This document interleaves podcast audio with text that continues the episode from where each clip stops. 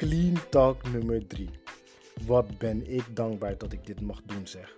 En als we het over dankbaarheid hebben, wauw, wat ben ik dankbaar dat ik deze gast van deze talk tegenover mocht hebben.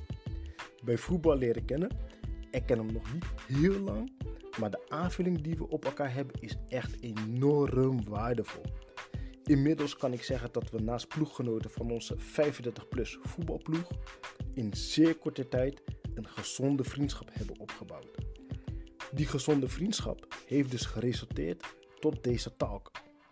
Een talk waarin hij meer prijs geeft over zijn huidige mentale kracht, erg openhartig is over zijn situaties in het verleden, hoe die situaties in het verleden hem in zijn hedendaagse kracht hebben gebracht en hoe hij die kracht weer toepast in, zoals hoe hij het noemt, zijn baby, zijn passie, zijn missie die hij mag volbrengen met zijn vintage.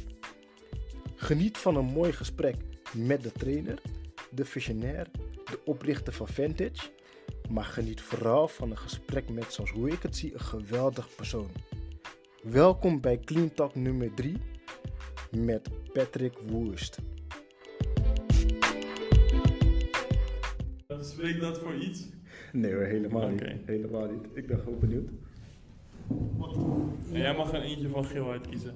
Maar niet, niet kijken, hè? Ik kijk zeker niet. Nee, ik zou niet durven, man. Nee, ik zou niet durven. Vast spelen houden Dat mocht van. ik ook niet. Alleen op het veld, maar niet. Ja, dat doe je wel, ja. moet ook wel eens soms. Vind je niet? Alles voor de winst, hè? Tuurlijk. Zeker op onze leeftijd hebben we dat nodig. Alles voor de winst. Het bewijs, even kijken, ik heb hem ondersteboven zo te zien. Draai hem om.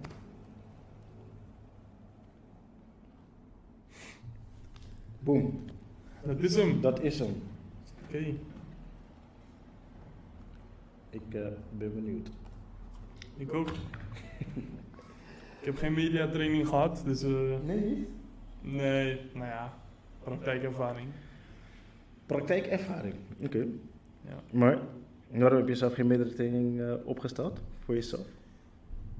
Nou ik denk dat je een beetje door, door alles wat je meemaakt, dat je daardoor wel weet... op een gegeven moment een gevoel gaat creëren wat bepaalde mensen van je zouden willen weten. Ja. En dan is het aan jou om heel snel te schakelen van... wil ik deze mensen ook echt daadwerkelijk laten weten Mhm. eh, eh, wat ze willen weten? Ehm, dus wil ik, wil ik ze dat wel vertellen. Ja. Ja, daar ben ik wel wat eh geconserveerder in, zeg maar. Ik ben niet... Ik ben niet is dat het juiste woord trouwens? Geconserveerd? Ik denk het wel. Ja. Ja.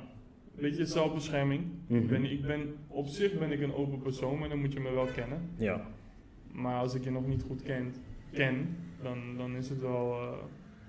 is het denk ik wel lastig om met mij een eh, heel inhoudelijk gesprek aan te gaan. Ehm, zeker op privé, want daar, daar laat ik sowieso heel weinig over los. Mhm. Ehm, maar goed, vandaag eh, heb ik toege, toegezegd dat ik dat iets meer zou doen. Dus Ik ben benieuwd, man. ja, ik ben ook benieuwd. Ik ben ook benieuwd. Ehm, ik, ik, moet, ik moet zeggen dat, dat ehm, de allereerste keer dat wij elkaar zagen, was die oefentraining, of wedstrijd was dat. Voor een wedstrijdje. Ja. Onze oefenwedstrijd. Ehm, ja, je was daar gewoon heel open in. wat je eigenlijk verwachtte, gewoon qua teamspirit, eh wat voor type spelers. En verder ging het ja, natuurlijk nog niet heel diep, maar ehm, ja, along the way zag je dan toch al eh, ja, een bepaalde klik zeg maar, ontstaan. Weet je, gewoon puur in jouw manier van denken, in je manier van doen en laten. Ehm, dat dat eh, bij mij gewoon heel goed en positief oversloeg. Ehm, ja, dat bevestigde jij dan vanuit jouw kant, andersom dus ook. Dus ja, ik merk zeker wel dat, het is me opgevallen inderdaad, dat als jij eh, je echt aangetrokken voelt, en dan niet aangetrokken voelt op de manieren waar de meeste mensen over denken, maar aangetrokken voelt eh, tot de persoon om ehm, een bepaalde vriendschappelijke relatie met de persoon te kunnen hebben. Ehm, ja, dat je dan een hele andere kijk krijgt van Patrick. Ja. Ja, klopt. Ik denk dat je dat goed omschrijft. Ik, ik, ben me daar ook heel erg bewust van. Ja. Want ik denk ook dat jij ook de keerzijde daarvan hebt gezien. Yep. Op het moment dat ik geen klik heb met mensen, dan, ehm, ja, dan laat ik dat ook merken. Dan blijf ik wel eh, heel erg respectvol. En eh, dan respecteer ik mensen ook wel. Alleen dan ga ik niet, dan ga ik niet zo openhartig gesprekken aan als, eh, als wanneer ik wel een duidelijke klik heb met mensen. Ja, dat, het, het, is, het is wel echt zelfbescherming. Dat, dat heb ik wel gemerkt vanuit het eh, verleden ook. Misschien komt het ook wel vanuit mijn jeugd, maar ook vooral als ik kijk naar mezelf als trainer. Toen Mhm. ik begon bij EDS, toen eh, ja, was, was alles nieuw en, Mhm. en je weet nog niet zo goed eh, hoe alles werkt. Dus, dus je moet vooral heel erg goed om je heen kijken, goed luisteren. Hoe gebeuren bepaalde dingen? Je probeert inspiratie uit, uit het gedrag te halen van andere trainers. Van ja, dat zou ik ook wel kunnen doen en hoe zou ik dat dan mijn eigen kunnen maken? Want één op één kopiëren, plakken, daar geloof ik niet in. Het is wel iets wat je wat je je eigen moet maken, altijd je sausje eroverheen gooien, vind ik, je eigen sausje. En ja, daarin heb ik wel gemerkt dat ik, dat ik best wel voorzichtig ben met mensen. En dat komt ook door, door misschien wat minder goede ervaringen, waarin je heel open en direct en, en ten goede trouw zeg maar, met mensen in gesprek gaat over dingen, dat je ze dingen vertelt. En dan baseer ik het even op het werk wat ik doe. Ja. Ehm, ja, en dan, en dan merk je later, dan komt er in een, in de media, in, in een artikel of in een interview of op welke manier, op tv of in een blad of online of webinars zijn tegenwoordig heel erg eh, in. Dan hoor je dingen voorbij komen dat je denkt van ja, maar hoe weet jij dit soort dingen? En, en dan weet ik gewoon dat dat is bijna één op één uit het gesprek wat ik met die persoon heb gehad. En dat zijn continu voor mij bevestigingen dat ik denk van oké, ook al zou je open willen zijn, Mhm. je kunt het uiteindelijk niet doen omdat als jij niet het gevoel hebt dat er iets voor jou in zit, en dat is jammer dat het zo moet zijn, maar zo moet je dus daadwerkelijk denken, dan wordt er misbruik van je gemaakt. En op het moment dat je, dat je weet dat er wel mensen zijn die het beste met je voor hebben, en dat je samen iets kunt opzetten waar je beide beter van wordt, ja, dan ben ik een open persoon en dan wil ik eh, graag eh, krachten bundelen. Maar ik heb ook te vaak de ervaring dat mensen eh, letterlijk kopiëren plakken. En, en zonder jou daar de respect voor te geven, want het feit dat ze jouw visie en de manier waarop jij werkt, dat ze dat waarderen en respecteren, dat is hartstikke fijn. En vaak wordt het zelfs tegen mij zelf wel gezegd. Mhm. Maar op het moment dat het naar buiten gaat, dan hoor je daar niks over. En dat, ja, dat vind, ik, vind ik treurig dat mensen zo kunnen zijn. Maar goed, eh, dat, dat leert mij dat ik dat dus niet meer kan doen en dat ik daar minder voor open sta. Ja. Ehm, en dat geef ik ook aan. Ik had toevallig anderhalve week terug had ik nog een vraag. Of ik open stond voor een gesprek en eh, dat mijn visie gewaardeerd werd en de werkwijze en dat, eh, dat men eh, daar benieuwd naar was. Ja, toen heb ik gewoon heel vriendelijk aangegeven dat ik er niet op deze manier zo open meer in sta. Eh, en ook waarom. Mhm. Maar als er inderdaad oprechte interesse zou zijn, dan kan men mijn, mij inhuren of, of jongens of een dame. We hebben sinds kort ook een dame erbij. Kunnen ze ons inhuren en dan zullen we met alle liefde en plezier zullen we iets komen vertellen over wat we doen. Maar vrij, vrijblijvend, dat, eh, daar ben ik mee gestopt. Ja. En dat heeft hiermee te maken. Ja. En ehm, wat is in die zin zeg maar de ehm, meest negatieve ervaring, ehm, als je hem überhaupt al wil benoemen? Eh, wat is in die zin zeg maar de meest negatieve ervaring die je daarin eh, hebt meegemaakt zeg maar? Nou, laat, ik, laat ik vooropstellen, als ik dat wil benoemen, inderdaad, ik, ik weet voor mezelf dat ik eh, bepaalde dingen afhankelijk van jou vragen, want ik weet niet wat je allemaal gaat vragen. Maar dat ik wel hier naartoe gekomen ben om zo open mogelijk te zijn. Ehm, het feit dat ik hier ook met jou zit, dat ik wil jou niet het gevoel geven dat jij super speciaal bent, maar zoals je zelf net ook al aangaf, eh, hebben wij gewoon een goede klik. En ik word wel vaker benaderd voor podcast of een webinar of, een, of interviews en ik ben daar best wel selectief in. Ja. Eh, dus op het moment dat ik een bepaald gevoel heb bij iemand, ook vanuit, vanuit de media, en het gevoel is goed en die wil nog een keer een artikel met me schrijven, dan sta ik daarvoor open. Ja, geweldig. Maar als er, eh, als er mensen zijn die out of the blue mij niet kennen en ineens, eh, ja, want jij werkt met die, die en die, Ja. ja. Ik ben daar wat, wat selectiever in. Ik, ik grijp niet alles aan wat er op mijn pad komt, zeg maar. Dat, ik weet niet of dat goed of slecht is, maar dat is nou eenmaal hoe ik denk. Mhm. Ehm, Dus het feit dat ik hier gelijk voor open stond, dat heeft met jou als persoon te maken. En omdat ik jou ook het beste gun. En als ik daaraan kan bijdragen door mijn verhaal te vertellen, dan doe ik dat graag. Maar het negatieve, eh, ja, ik kan wel één voorbeeld geven. Ehm, toen ik 21 was, dus dat is nu zo'n vijf jaar geleden. nee, toen ik 21... We houden het daarop, vijf jaar geleden. Nou, ja, ik voel, wat voel ik me toch weer jong zeg. Ja, eerlijk.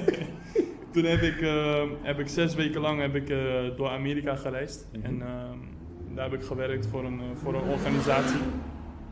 Voor een organisatie. Die, die voetbalkampen organiseerde nou ja, op 21-jarige leeftijd uh, naar Amerika kunnen gaan uh, om daar te doen wat je leuk vindt, daarvoor betaald te krijgen, uh, goede voorwaarden. Ja, dat is natuurlijk een droom. En zeker als je 21 bent, dan kun je dat heel makkelijk doen. Ja, zeker. Dus dat heb ik gedaan. En ehm, daar heb ik iemand ontmoet. Dat, is, dat was dan de contactpersoon zeg maar, vanuit Amerika naar de Nederlandse coaches toe. Um, ik zal niet in namen gaan zitten, dat doe ik niet. Maar degene, mocht deze persoon het horen, dan weet hij donders goed dat ik die persoon bedoel. um, op dat moment een hele goede band mee.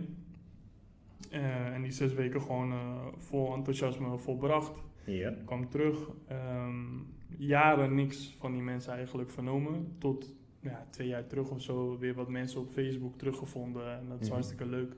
Mensen met wie ik daar samengewerkt heb.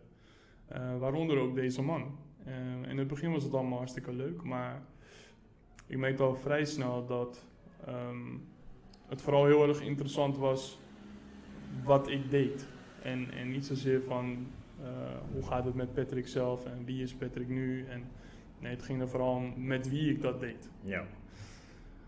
Ja, dat, dat merk ik vaker. Nou, dat is op zich, ik weet niet of dat uh, menselijk is, maar laten we het zo maar even noemen. Toen werd ik benaderd door die persoon of ik misschien er open voor stond om een gesprek aan te gaan met uh, twee mensen uit Canada. Dat waren ook nog uh, tweelingbroers. Ja. Die uh, daar voetbaltraining gaven en die naar Nederland kwamen om hier dan een week, twee weken, ik weet niet precies hoe lang, om dan hier een beetje een kijkje in de keukens te gaan komen nemen. Ja. En um, dat ze mijn, mijn werk heel erg interessant vonden. En daar met veel uh, interesse naar keken. En of ik daar iets over wilde vertellen. Nou, dat was nog de fase dat ik dus nog wat open was. Yeah. Uh, dus ik heb gezegd, ja prima, laat ze maar langskomen en we kunnen wat gaan lunchen. Dus ik had wat voorbereid, wat beelden verzameld en praat ik nu iets over meer dan twee jaar geleden inmiddels alweer. En wij samen wat geluncht, wat dingetjes uitgelegd. Misschien achteraf gezien te veel ook in detail getreden. Mm -hmm. En uh, nou ja, prima, heel uh, enthousiast, bedankt voor je tijd, nou, allemaal hartstikke goed. En de tijd gaat voorbij en ja, op zich, ik hoorde er niks meer van en dat was allemaal prima. Ik denk ja, ik heb wel vaker gesprekken. Toen ineens werd ik, werd ik getagd online in een bericht waarin er een oefening werd gedaan die wel heel erg, heel erg leek. Echt één op één, ook met dezelfde attributen. Uh, op, wat, op wat wij aan het doen waren. Mm. Dus ik, ik keek naar dat filmpje. En in eerste instantie dacht ik van zo, er is gewoon iemand die precies hetzelfde denkt als ik. Dat is vet, dat heb ik nog niet snel, uh, dat heb ik nog niet snel meegemaakt. Of eerder meegemaakt, laat ik het zo zeggen. Dus, maar toen keek ik goed en, en toen dacht ik, oké, okay, wat is de naam? Nou, toen ging ik een beetje op de naam kijken. En mijn bedrijfsnaam toen de tijd was Voetbal Awareness. Yeah. En ik zag Game Awareness, zag ik staan. En denk, wauw, dit is wel echt bijna identiek, man. Gewoon echt dezelfde materialen gebruiken, hetzelfde soort oefening. Want op, op inhoud uh, klopte het niet met hoe, ik, uh, hoe wij dingen zien. Nee. Toen was ik nog alleen trouwens, dus hoe, hoe ik dingen zag. En ik ging die naam googlen en ik kom op die website helemaal netjes en uh, ook beschreven, zeg maar, eigenlijk één op één, zeg maar, wat wij dan ook als, als doel hebben met het ontwikkelen van spelers. Ja. Yeah. En toen keek ik naar, wie zijn dit? Ja. En toen drukte ik op de foto van Who Are We? Want het is natuurlijk een Engelse site. En ik, ik herkende, of tenminste, ik zag een gezicht en ik dacht: Oké, okay. nog niet zozeer dat ik dacht van die herken ik. Ja. Dus scrollde ik naar beneden. Toen zag ik hetzelfde gezicht in eerste instantie. Toen dacht ik: Hoe kan dat nou? En toen heel snel kwam er zo'n klik. Hé, hey, dat is die tweeling, want dat vergeet ik voor het verhaal even erbij te zeggen. dat is die tweeling ja. met wie ik gewoon heb zitten lunchen. Wat een mensen op deze wereld, dacht ik toen. En toen heb ik gelijk die, die contactpersoon van me, die dat had opgezet, heb ik gelijk een bericht gestuurd. Van, eh, zo, dat ziet er goed uit, hè? Ja. Ja, ja. Ik, eh, en die hield zich een beetje van het domme. Ik zeg, joh, laten we niet zo met elkaar omgaan. Ik bedoel, we zijn geen kleine kinderen. Jij hebt het gewoon al helemaal voorzien. Je hebt gewoon tegen de jongens gezegd van, joh, kom mee, ik weet iets, dan kunnen jullie dat opzetten in Canada. Ik zeg, Mhm. het zal me niet eens verbazen als jij er ook nog geld aan verdient. Nou, dat ontkende hij niet, maar dat wilde hij ook niet bevestigen. Mhm. Maar het voelde gewoon niet goed. Nee. En eh, daarna heb ik die persoon ook nooit meer gesproken. Dus dat, dat zegt dan ook al iets. Ik bedoel, als je echt je onrecht wil bewijzen en je wilt echt aangeven van joh, zo is het echt niet gegaan en ik waardeer jou, dat zou ik niet doen, Ja. dan zou je daar je best voor doen. Ja, zeker. En dan zou je niet op het moment dat ik je een klein beetje aanspreek op bepaalde dingen, zou je niet reageren zoals hij dat deed. Nee. Dus toen wist ik genoeg. En eh, dat is wel de meest memorabele, zeg maar. Ja. Ja. Wauw. Dat heeft er dan uiteindelijk voor gezorgd dat je dus de mindset hebt zoals hoe je die nu hebt. Ehm eerst weten wie er achter de persoon schuilt van de gedachte die je hebt of de visie die je hebt. Om vervolgens, mocht dat überhaupt al een vraagstuk zijn, eh, dichter bij de visie te kunnen komen. Zeker. Ja. Ja, ja, nou ja, het meest recente voorbeeld van, van een positief, laten we hem ook positief pakken, is ehm, toen, ja, een van onze trainers, eh, Guy Ramos, die heeft eh, ook teamgenoot van ons in Ja. de zaal. Maar die heeft, ehm ehm, dan werd er in, in, in het bijzijn van andere mensen werd er aan mij gevraagd van hoe lang ben je nu ongeveer mee bezig? En ja, ik heb gezegd dat ik officieel ben gestart, en dat is ook zo, 1 april 2016. En dat Ja. was toen met het bedrijf Voetbal Awareness. Maar dat ik een, minimaal een jaar daarvoor al dingen aan het uitproberen was. Onder andere op Guy, want die was toen nog betaald voetballer, die speelde toen nog. Eh, om te kijken van oké, hoe, hoe valt dit? Ja. En ja, ik ga ervan uit dat mijn vrienden eerlijk en open zijn. Dus mede, mede door hun, eh Sikuni Banja was er ook eentje van, Lucas Tanjos, Mafuna Amervoort. Eh mede door hun reacties ben ik toen social media begonnen en toen dacht ik van oké, dit is wel echt interessant. Ja. Maar ook in die tijd ben ik natuurlijk heel veel onderzoek gaan doen van ja, wat is het precies? Want ik noemde het toen voetbal awareness en dat is geïnspireerd door Xavi Hernandez. Daar Mhm. ben ik door geïnspireerd geraakt. Ja. Maar ja, awareness is best wel een containerbegrip. Wat valt daar allemaal onder? En een van de eerste dingen die ik vond, waren allemaal wetenschappelijke artikelen van een Noorse professor die Mhm. afgestudeerd is in perceptie. Ehm absolute grootheid daarin ook. Eh, Guy Jordet. Mhm. Nou ja, ik wilde super graag met die man in contact komen. Daar heb ik ook wel op zich mijn mijn best voor gedaan, maar dat is nooit gelukt. Ja. Tot een half jaar terug. Dat ik op Facebook eh, een berichtje kreeg van, van een vrouw uit Noorwegen. Die werkte bij een bedrijf Be Your Best. Ja, op dat moment zei dat me nog niet zoveel. En die wilde graag met mij in gesprek, eh, gesprek raken. Dus toen ben ik onderzoek gaan doen. Mhm. Dat is net wat je aangeeft. Ik ben onderzoek gaan doen. Eh, en ik heb haar ook gevraagd van hoe komen jullie bij mij terecht? En toen heeft zij gezegd van nou ja, ik ben net een maand in dienst. Mhm. En een van mijn eerste opdrachten was om jou aan tafel te krijgen in Oslo. Dus ik, was ook, ik ben ook echt uitgenodigd om naar Oslo te komen. Oké. Eh, en toen zei ik, oké, door wie dan? Want ja, ik ben dan benieuwd van hoe komen jullie bij mij eh, terecht? Ja. En toen noemden ze, nou ja, een van onze eigenaren, Guy Jordet. Toen ging er een lampje branden. Toen dacht ik, hé, hey, ik wilde twee jaar terug heel graag met die man in gesprek komen. Dat is mij niet gelukt. Ja. Twee jaar later Mhm. geeft hij zijn nieuwe CEO geeft hij de opdracht om met mij in contact te komen, omdat hij mij graag wil spreken. Ja. Nou, dat, dat vond ik wel echt een, eh, een winst natuurlijk, omdat dat geeft dus aan dat op de een of andere manier wist hij dus van mijn bestaan en vond hij dat dusdanig interessant dat Ja. hij de opdracht gaf om mij uit te nodigen. Dus we zijn er ook naartoe geweest. Eh Jaco en ik. Jaco is eh, de manager bij ons. Ja. dagje naartoe geweest. Ja, enorm goede klik. Lang verhaal kort. Dat is nu uitgemond in een samenwerking. Mhm. Dus we gaan de krachten bundelen. Ja, daar ben ik ook super enthousiast over. Weet ja, je. En- en- dat snap ik. ja, Ja. en daar voel je ook echt dat je, je bent er om elkaar te versterken. En om elkaars producten zeg maar, onder de loep te nemen op een kritische manier. Maar wel met in je achterhoofd van we willen dit verbeteren. Ja. En niet we willen dit afpakken. Nee. Ehm, en dat, dat is denk ik het gevoel wat, eh, wat ik nodig heb om met mensen een samenwerking aan te gaan. Ja, verbetering vanuit beide partijen. Ja. ja. En om samen tot één geheel te kunnen komen. Zeker. Weet je dan ook, ehm, want je hebt dat gesprek, je bent daar geweest, je hebt dat gesprek heel leuk, heb je dat met hem gehad uiteraard. Ehm, weet je ook wat de aanleiding is geweest waarom hij uiteindelijk ehm, weer contact heeft opgezocht met jou? Ja, dat, dat, is wel een leuk verhaal ook, omdat ik zat, eh, ik, ik heb het vaak, vaker met je erover. Wij moesten de dag daarvoor nog zaalvoetballen. Ja. En eh, volgens mij speelde ook nog om 10 uur. Dat is echt eh, de laatste tijd. Ja. Het, zou, het zou 9 of 10 uur zijn geweest, Ja. van die twee.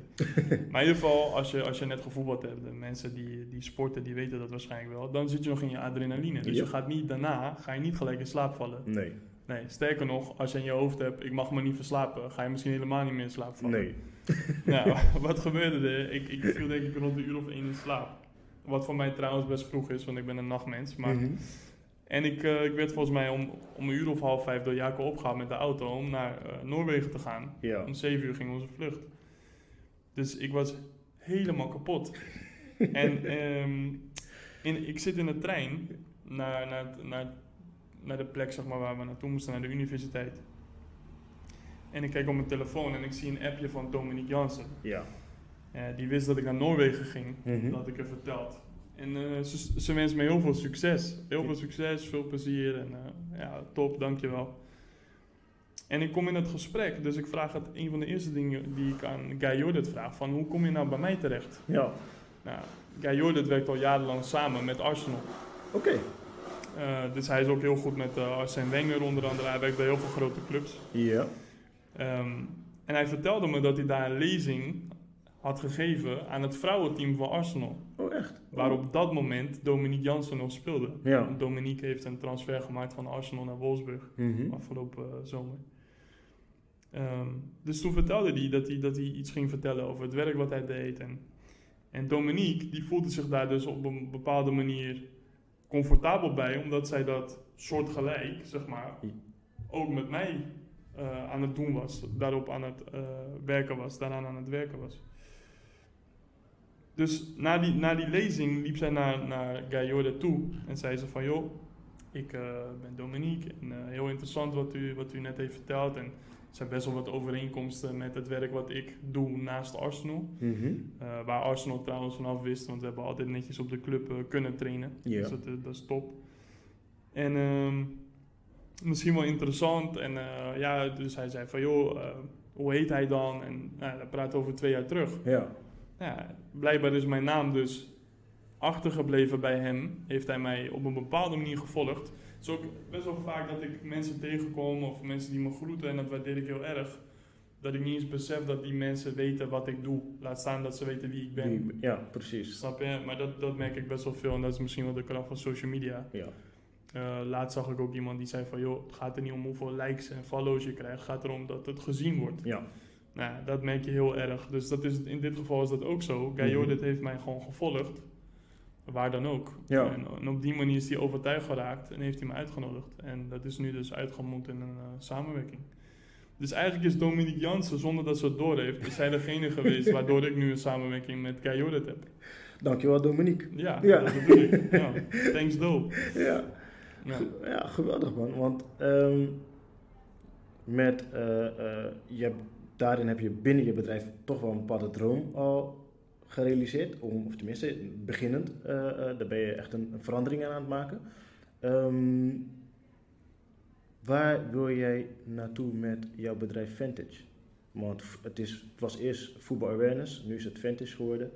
Ehm, er zijn wat teamleden bijgekomen. Ehm, aantal jongens die ik er inderdaad dus ook ken, ook als ploeggenoten, maar ook als oud-sporters, of jongens die nog steeds aan het sporten zijn, op welk niveau dan ook. Waar wil jij zeg maar naartoe met jouw team?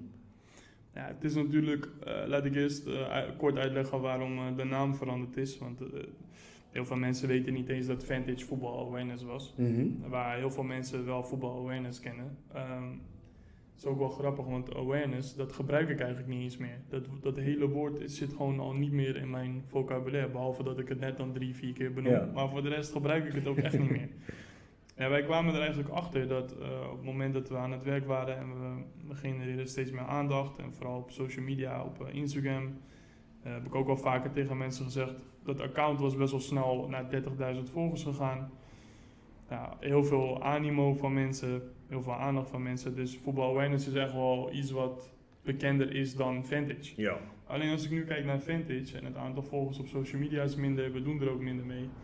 Maar als ik nu kijk bijvoorbeeld naar de klandizie, dus, dus de mensen met wie we samenwerken, ook in partnerships, dat soort dingen, ook met Adidas.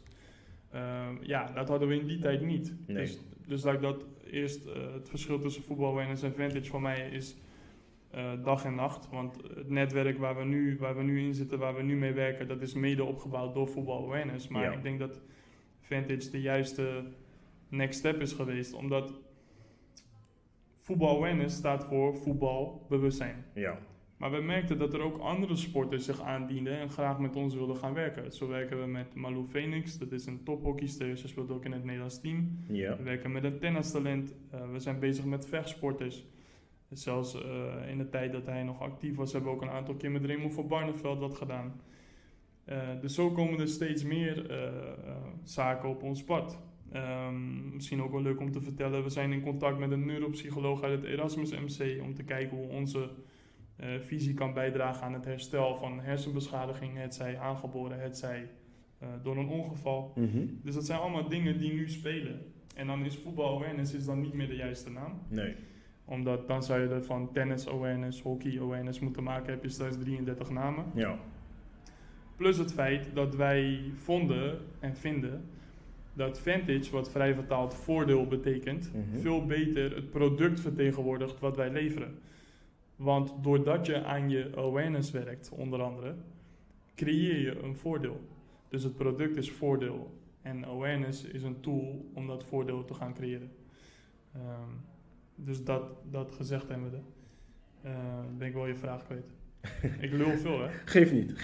daar, zijn, daar zijn we hier voor. Ja, dat wou ik net zeggen. Ik zei al tegen je, ik heb, ik heb spraakwater nodig, want eh, Oh, ik heb Ja. eerst tijd om te drinken. precies. Neem nog maar een slokje inderdaad. Mm. Nee, wat ik dus zei inderdaad van, hey, je hebt nu eh, ehm, een, een heel team heb je dus inderdaad gecreëerd. En waar wil je dus uiteindelijk Ja, met jouw ja, team, met Ventures, zeg maar, naartoe?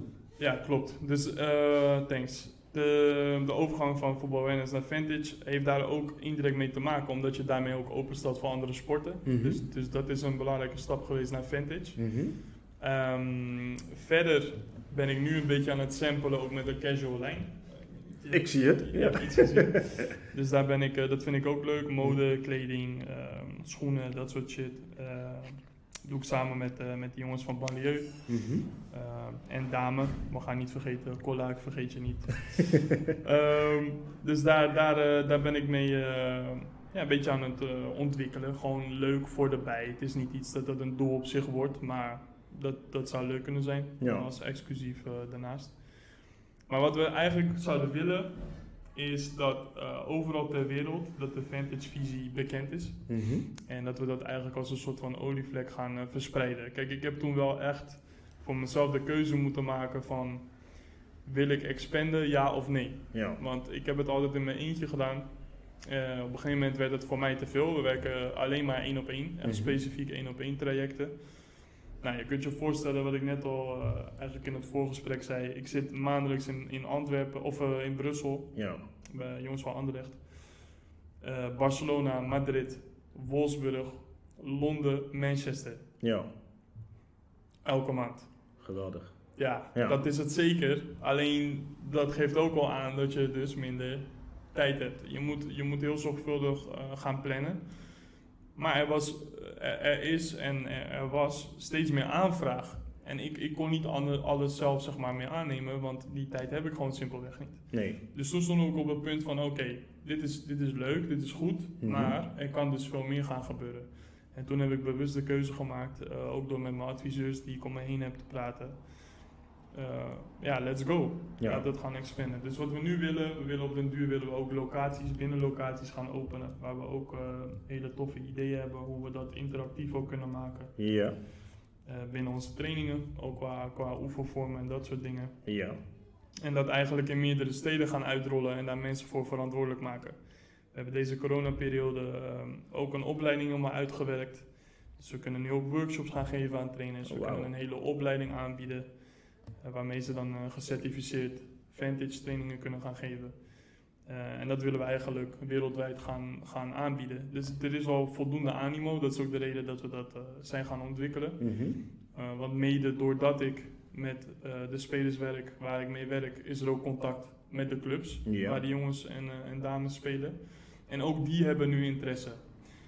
dus op die manier proberen we dat zeg maar, ook verder uit te breiden. Mhm. Ehm, we zijn aan de slag gegaan met eigen producten. Dus mijn broertje die is heel handig eh, met 3D-printers, die heeft hij thuis ja. staan. Dus we zijn eigen producten gaan ontwikkelen. Dus we willen eigenlijk in alles wat we doen, eh, zoveel mogelijk met eigen, eh, met een eigen identiteit, zeg maar, alles gaan aanbieden. Mhm. En dan, En dan alles- wereldwijd. Dus echt gaan expanden dat over de hele wereld, dat ze weten wie Vintage is en wat Ja. dat voor spelers kan betekenen. En dan met alles bedoel je echt de, de trainingen. Oh, echt specifiek de één op één trainingen. ehm, op jullie eigen manier, met de eigen identiteit aan te kunnen bieden, zeg maar. Ja, we hebben, er is wel een kleine eh, differentiatie tussen eh, het aanbieden van de, de workshop op teamniveau Ja. eh, en het individuele traject. We zijn nu, wat we nu echt hebben uitgewerkt, is een traject op basis van teamniveau. Ja. Omdat eh, vaak merk je ook bij de, bij de clubs waar wij dan met spelers actief zijn, dat het juist wordt gezien als zijnde aanvulling, omdat zij daar simpelweg geen tijd voor hebben. Mhm. Uh, buiten dat wij denken ook dat soms de kennis en de kunde nog wat ontbreekt, omdat wij natuurlijk geloven dat wij hier voorloper in zijn. Ja. Ehm, maar op teamniveau is er natuurlijk ook voldoende winst te behalen. Mhm. En, en daar hebben we nu in eerste instantie onze opleiding op, eh, op, op laten focussen, zeg maar. Ja. Ja. En als we eigenlijk teruggaan zeg maar, naar eh, hoe we dit gesprek redelijk begonnen, van hey, op basis van vertrouwen zeg maar, eh, jouw visie eh, over te kunnen brengen. Hoe was dat voor jou om, ehm, en, en- en nogmaals, ik ken twee van die jongens ken ik dan inderdaad ook, maar hoe was dat dan om jouw visie zeg maar, toe te laten aan die jongens? Om vervolgens tot een geheel team te kunnen komen. Ja, eh, heel moeilijk. Ja, ja, dat was, dat was heel moeilijk. Want je moet je voorstellen, ik heb zelf geen kinderen, maar ja, het voelt als je baby. Ja. En eh, bedoel, jij bent wel papa. Ehm, als je babytje geef je niet zomaar uit handen. nee. Je gaat niet zomaar, ja, je gaat niet Nee. zomaar je babytje aan iedereen geven. Van hier zo ga jij er eens mee spelen, aai jij hem even. Nee, dat, eh, ga maar daar zitten, ga maar daar zitten. Nee. Nee. Dus het is heel moeilijk om dat uit handen te geven. Maar ik denk wel dat, dat, we dat ik de juiste mensen om me heen heb verzameld die ik Mhm. daarin blind kan vertrouwen. Ehm, ja, misschien is het ook goed om ze te benoemen. Ik heb eh, Dimitri Metgod is een van de eerste jongens die erbij is gekomen. Die ken ik echt al een hele tijd, ook vanuit mijn vorige baan bij Rotterdam Sportsupport. Ja. Julian Agatowski, dat is ook al eh, een jongen die ik al jaren ken. Ook vanuit mijn tijd dat ik assistent was bij eh, Giovanni Franco bij FFA, bij het eerste elftal. Ja. Ehm, dan heb je Guy Ramos. Nou, met Guy ben ik opgegroeid. Dus dat, eh, ja, Eén dan heb je aan een blik, ja, Ja. dan heb je aan een blik heb je genoeg. En nu sinds kort is daar eh, Eli Sarasola is daarbij gekomen. Mhm. En Eli die is, een, eh, die is net twee maanden geleden is zij gestopt als professioneel voetbalster. Zij, is- zij was keepster bij PSV. Oké. Heeft ook bij Ajax gespeeld, ehm heeft bij Barcelona gespeeld, in Amerika gespeeld. Eh, dus ja, daar zijn we ook heel erg blij mee dat we een vrouw ook eh, in ons team hebben. Ja, zeker. Een zeer, eh, zeer intelligente, intelligente en kundige vrouw. En dan als analisten hebben we nog twee actieve voetballers. Mhm. Eh Mafuna is er sinds kort bij, die die wedstrijdbeelden ook voor ons gaat bekijken. En Wessel Dammers, die nu een transfer heeft gemaakt vanuit Fortuna Sittard naar FC Groningen. Ja.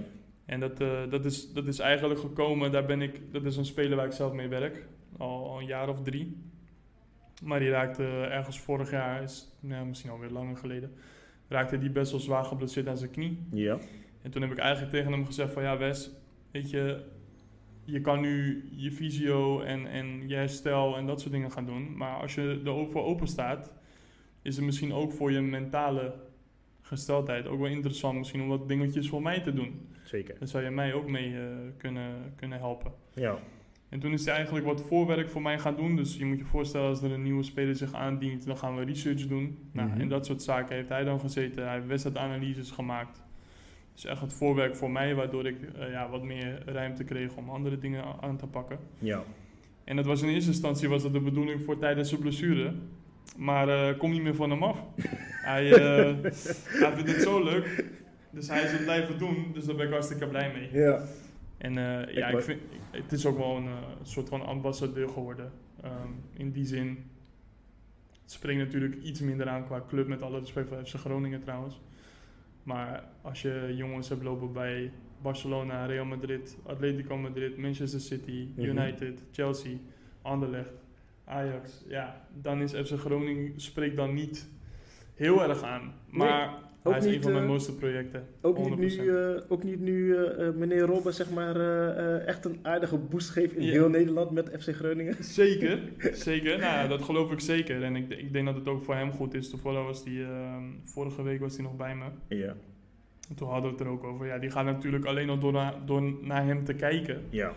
Hoe hij zijn schoenen aan gaat trekken. Ja. Ja, daar, daar, daar kun je wel van gaan genieten, denk ik. Tenminste, dat zou ik wel hebben. Ja, ja, tuurlijk. Dus eh, die gaat, zonder dat hij iets gaat zeggen, gaat hij de lat al hoger leggen binnen die groep. Ja.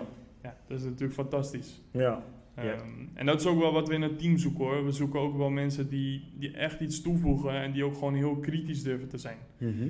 En ehm, ja, dat geloven we wel in dit team te hebben. Ja, dat is mooi. Ja. Ja. We, daarmee geef je dus eigenlijk indirect ehm, geef je dus aan hoe dichter bij eh, de mensen echt eh, bij jou komen, om het maar zo te zeggen. Eh, daar een vertrouwensband zeg maar, ook echt opbouwen. Nou, dan was dat in het geval van Guy ehm, en of Dimitri, zeg maar, was dat net wat gemakkelijker, wat gemoedelijker om die stap daarin te maken. Maar ehm, hoe dichter bij ze zijn en jij kan dus ook beproeven of ze echt van meerwaarde zijn voor jou, want in eerste instantie gaat het om jou, het is jouw baby, Ehm, dat die dus ook echt toegelaten worden tot jou, volledig. Zeker, Ja, zeker volledig. Ik, ehm, dat is wel hoe ik ben. Op het moment dat je eenmaal in mijn cirkeltje zit, dan kom je er ook moeilijk uit. ja, Ja, of je moet het echt verzieken. En als je er dan weer uit bent, dan ben je er ook echt uit. ja. En dan, dan kom je er ook niet meer in. Is, is dan, is dan ehm, want daar spreek ik natuurlijk vol passie over, is dan Vantage echt ook jij? En zoals hoe jij ehm, op dit moment ook in het leven staat? Eh, ja, kijk, daar gaat natuurlijk wel heel veel tijd en energie in zitten. En je bent er dagelijks mee bezig. Dus tuurlijk, Mhm. je, je draagt het wel altijd met je mee. Maar ik probeer ook wel gewoon Patrick te zijn. Ja, Ehm, en dat zit hem met name ook in het zaalvoetballen wat we samen doen. weet je, dat, dat zijn dingen, ja, die heb ik gewoon nodig. Ik, ik kan niet. Er gaat geen dag voorbij dat ik niet vintage gerelateerd aan het werk ben of bezig ben. Dat, dat gaat gewoon niet. Het is gewoon een onderdeel van mijn leven geworden. En ik weet ook dat mensen mij, als ze mij zien, Mhm. eh, dat ze me ook zien voornamelijk als wat ik doe en niet meer wie ik ben. En daarom was het ook wel mooi vorige week zondag. Ik ineens het eh, idee om. eh, ja, ja. ik zie je lachen. ja. Ik, ik, luister. ja, ik omdat je weet wat er gaat komen. Precies. Nee, ik had, ik had vorige week zondag eh, stond ik op en ik had ineens het idee van: hé, hey, ik moet naar mijn oude buurtman. Ik, Ja. ik, ik moet even terug. Ik moet jongens zien van vroeger. Ja, Ehm, ja, dus dat heb ik gedaan. Ik heb, ik heb snel wat op Facebook gezet en ik, ik wilde bij de Hoge Banweg, daar ben ik opgegroeid in die buurt. Mhm. Ja, daar geniet ik van. Ik moet gewoon af en toe even terug van, oké, hier kom ik vandaan. Hier is het ontstaan. En ik ben ook best wel nuchter, merk ik aan mezelf, als, als mensen dan tegen mij zeggen van, ja, maar vriend, kijk waar je allemaal naartoe gaat. ja. Weet je, en, en met wat voor spelers je werkt. Want een aantal spelers zijn dan wel al bekender voor, voor het grotere publiek. Maar merendeel van de spelers, dat zijn toptalenten van topclubs. ja. Dus dat zijn jongens van 17, 18, 19 jaar... die nu voor het grote publiek nog niet zozeer bekend zijn. Mhm. Maar als alles goed gaat, en daar willen wij natuurlijk eh, ons steentje aan bijdragen... binnen nu en laten we zeggen ruim genomen twee seizoenen... Ja, dat jij Barcelona en Real Madrid zit te kijken... en dat je denkt, hé, hey, dat is die jongen die met Patrick samenwerkt. ja. Weet je, en, en ja, ik vind het soms vind ik het moeilijk om dat, om dat zeg maar, ehm, om, om daar te, van te genieten. Laat ik Mhm. dat sowieso, het woord genieten is bij mij moeilijk. Mhm. Ehm, maar ook om me daar bewust van te zijn, omdat ik zie die jongens gewoon als een persoon en ik kan heel goed met die personen opschieten. Maar ik zie ook dat er tekortkomingen zijn bij die personen. En ik weet ook dat mijn taak is om die tekortkomingen aan te vullen met de visie die wij erop loslaten. Ja, Ehm, en dat is, mijn, dat is mijn werk, dat is wat ik moet doen. Dus ik, ik ben ook geen fan eh, of een supporter. Zo wil ik niet overkomen. Ik ga ook niet naar een stadion met een shirt aan en mijn gezicht gesminkt en dat soort dingen. Dat doe ik niet. ja, iedereen die dat Ja. wil doen, dat is prima. Maar Tuurlijk. ik probeer zo, zo, zo ehm, neutraal mogelijk te zijn. Ja. Want ik, ik voel ook een bepaalde verantwoordelijkheid. Als ik nu uit zou dragen voor welke club ik zou zijn. Ja. Wat ik trouwens eh, in de loop der jaren minder heb. Ik ben meer voor mooi voetbal dan dat ik echt specifiek voor een club ben. Ja. Dus ik heb wel voorkeuren voor clubs, maar dat is meer gebaseerd op de manier waarop zij voetballen. ehm, dan de club zelf. Dus dat wil ik wel even verduidelijken, want sommige mensen weten welke club, club ik ambieer. Of tenminste welke club ik eh adoreer, is heel zwaar woord. Maar waar ik een voorkeur voor heb. Ja. Ik dat heb ik in elk land, heb ik dat. Ja. Dus dan heb ik mijn favoriete clubs op basis van hoe ze voetballen. Maar dan kan ik niet eh, dat naar buiten brengen in de wetenschap dat het best wel zo zou kunnen zijn in de praktijk dat ik iemand van de concurrent zou kunnen gaan Ja. weggeleiden. Ja. Dus ja, daar moet je gewoon slim in zijn. Dat, Ja. dat kan je gewoon niet doen. Nee, dat is niet handig, nee. Nee. Eh, hoe je dan zeg maar zo terug bent gegaan naar ehm, je oude buurt. Ehm wetende of het bewustzijn terughalen van waar je vandaan bent gekomen. Ehm, waar ben je daadwerkelijk vandaan gekomen en wat heeft dat jou uiteindelijk ook echt gebracht? Ja, ik, ehm, nou ja, ik, ben, ik ben geboren en getogen in Rotterdam. Ja. En ehm, ik moet zeggen, mijn jeugd is. Weet je wat het is? Als je bepaalde stukken in je jeugd mist, Ja. dus dat je dat niet meer goed terug kan halen, dan weet je dat het niet goed is geweest. Nee. Want als jij een hele leuke jeugd hebt gehad, dan kan ik nu zo een aantal dingen opsommen. En dat is al moeilijker. eh, dus dat geeft indirect aan dat, eh, dat de jeugd niet heel, heel tof is geweest. Ik denk dat het, eh, als ik naar mijn ouders kijk, dat het bij mijn moeder een bepaalde onkunde was. Mhm. En dat het bij mijn vader eigenlijk indirect hetzelfde. Er is geen onwil, maar het was meer onkunde. Mhm. Vader was altijd een hardwerkende man in de haven en, en moeder was huisvrouw. Dus ja, we waren ook vaak alleen thuis, mijn broertje en ik. Dus ook op jonge leeftijd eh, moest ik al de zorg dragen ook voor mijn broertje, dus dat was lastig. Omdat eigenlijk doe je dan dingen op een leeftijd die je als kind hebt die je niet zou moeten doen. Nee. Dus dan, dan verstoort het ook je, je ontwikkeling als kind, omdat eigenlijk zou je hele andere dingen moeten doen. En dat heb ik altijd wel gemerkt door, door zeg maar, mijn ontwikkeling heen. Dat ik altijd voelde dat ik later was dan mijn leeftijdsgenootjes met bepaalde dingen. Mhm. Ehm, dus ja, dat is, dat is lastig geweest. Er was niet veel geld. Op een gegeven moment woonde ik met mijn vader. Eh, die was altijd werken. Eh, er waren schulden thuis. Eh, mijn ouders waren gescheiden, dus op een gegeven moment ging met mijn vader mee. Dus die moest altijd werken, want ja, die moest de schulden gaan betalen. Dus er was bijna niks. Dus ik heb letterlijk, en ik heb het hier van tevoren met je over gehad, ik wil daar ook open over zijn, want heel veel mensen denken dat het me komt aanwaaien, maar dat is absoluut niet zo. Ik heb letterlijk achter mensen aan moeten lopen als die bij de Bas van de Heide, want toen was het nog Bas van de Heide, Ja. als, ze, bo- als ze boodschappen gingen doen. Wachten totdat ze naar boven gingen om mijn boodschappen weg te, weg te brengen. En dan pakte ik snel het karretje en die bracht ik terug. Ja. Op het moment dat je het boodschappenkarretje terugbrengt, dan kan je dat kliksysteempje en dan komt er 50 cent uit. Ja. Nou, zo ging ik de wijk door. Totdat ik misschien eh ja, waren en toen nog, denk ik. Ja. Een paar gulden had en dan ging ik daar eten van kopen. En, en dat is gewoon letterlijk hoe ik ook opgegroeid ben. Dus ja, weet je, dat, daar leer je heel veel van natuurlijk, omdat je bent aan het overleven. Ja. En, en dat is eigenlijk wat ik altijd aan het doen ben geweest. En dat doe ik nu nog steeds. Ik kan heel goed alleen zijn, want dat heb Mhm. ik altijd zo ervaren. Ik kan eh, heel goed voor mezelf nu opkomen. Vroeger was ik wat timide. Eh, maar dat, dat heb ik ook moeten leren, want ja, op straat, eh, wetten van de straat, je moet voor jezelf opkomen. Ja, uiteraard. En eigenlijk op latere leeftijd, eh, ik heb ook nog een paar jaar in Alkmaar gewoond bij mijn oom, omdat thuis ging het gewoon niet meer. En eigenlijk op latere leeftijd, toen ik terugkwam, toen, ja, toen voelde ik wel van oké, dit is voetbal. Eh, EDS ben ik toen weer teruggegaan. En, en dit is voor mij ook een bepaalde uitweg. Ja. En, en dat is het nu nog steeds. Ehm, en wat dat betreft, als ik er zo op terugkijk, kan ik wel trots zijn op wat er nu allemaal gaande is.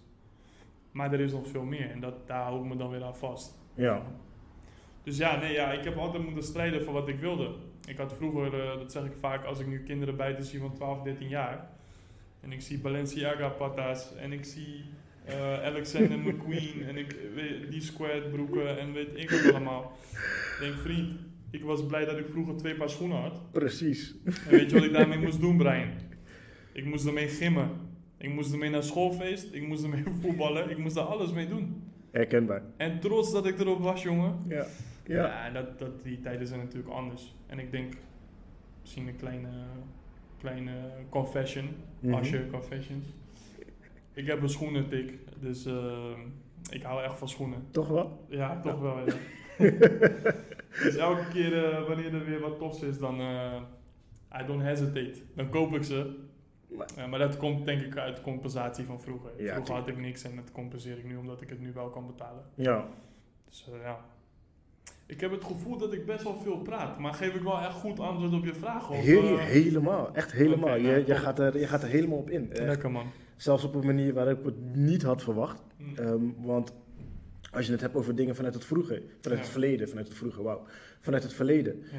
Ehm, wat, wat, voor, wat voor wijsheden en kennis, zeg maar, heb je daaruit gehaald, wat je hedendaags bijvoorbeeld gewoon echt toepast? Niks komt je aanwaaien. Hm. Dat is echt, dat is echt mijn. Achter in mijn hoofd zit het altijd. Als je iets wil, dan moet je daar iets voor doen. Ja. En daarom heb ik ook eigenlijk. Weet je, ik heb het ook wel een keer. eh, bij twee oud-collega's van me, Robbie en Steve, heb ik toen een, ehm, eh, een vlog gehad ook. ja, ik heb hem gezien inderdaad. Ja. Ja. En eh, daar heb ik ook gezegd van. Blijf dicht bij jezelf. Ja. En, en dat is, dat is wat, ik, wat ik nu ook weer ga zeggen. Er zijn te veel mensen, en dat zie ik om me heen gebeuren. Want kijk, ik ben iemand die heel erg met zichzelf bezig is. Mhm. Ik had laatst een mooie documentaire van Badr Hari gezien ook. En dan zit hij daar met een jeugdig talent. Ik ken, ik ken zijn naam niet, sorry. Ja. Eh, en dat die jongen zegt van ja, maar ik heb nog tijd. Want die anderen zijn al wat ouder. Of de rest is al wat ouder. Een beetje in die trant. Een speelster eh, stuurde dat door waar we mee werken. En eh, dus ik keek dat. En toen zei Badr Hari tegen hem van ja, maar waarom ben jij bezig met de rest? Daarom heet het toch de rest. Jij moet juist invloed uitoefenen op wat je zelf kunt doen. Ja. Die mindset heb ik ook. Ik, ik zie wel wat er om me heen gebeurt. Als ik het zelf niet voorbij zie komen, dan word ik er wel op geattendeerd. Mhm. Ik heb daar ook zeker mijn mening over. Als die gevraagd wordt, zal ik hem ook wel geven. Ja. Maar me er druk om maken, doe ik niet meer. In het begin deed ik dat wel, omdat ik dan... Toen zag ik eh, dat heel veel mensen echt aan het kopiëren waren. Ja. Nou, waar ik het net in het begin over had. Maar dat doe ik nu niet meer, omdat ik ben gewoon gefocust op waar ik zelf invloed op heb. Dus ik kan ook zeggen, stop energie in, in dingen waar je zelf invloed op kunt hebben. En, en heb je daar geen invloed op, of gaat het je dat niet lukken? Ja, waarom zou je er dan energie in stoppen? Ja, precies. En Ja. dat, dat is een beetje wat ik nu heb. Ehm, ja.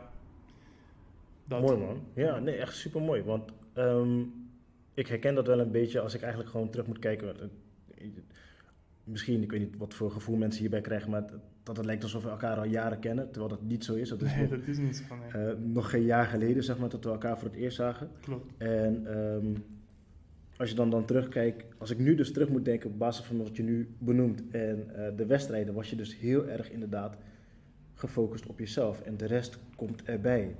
Eh, we hebben van de week hebben we inderdaad een telefonisch gesprek gehad ook weer.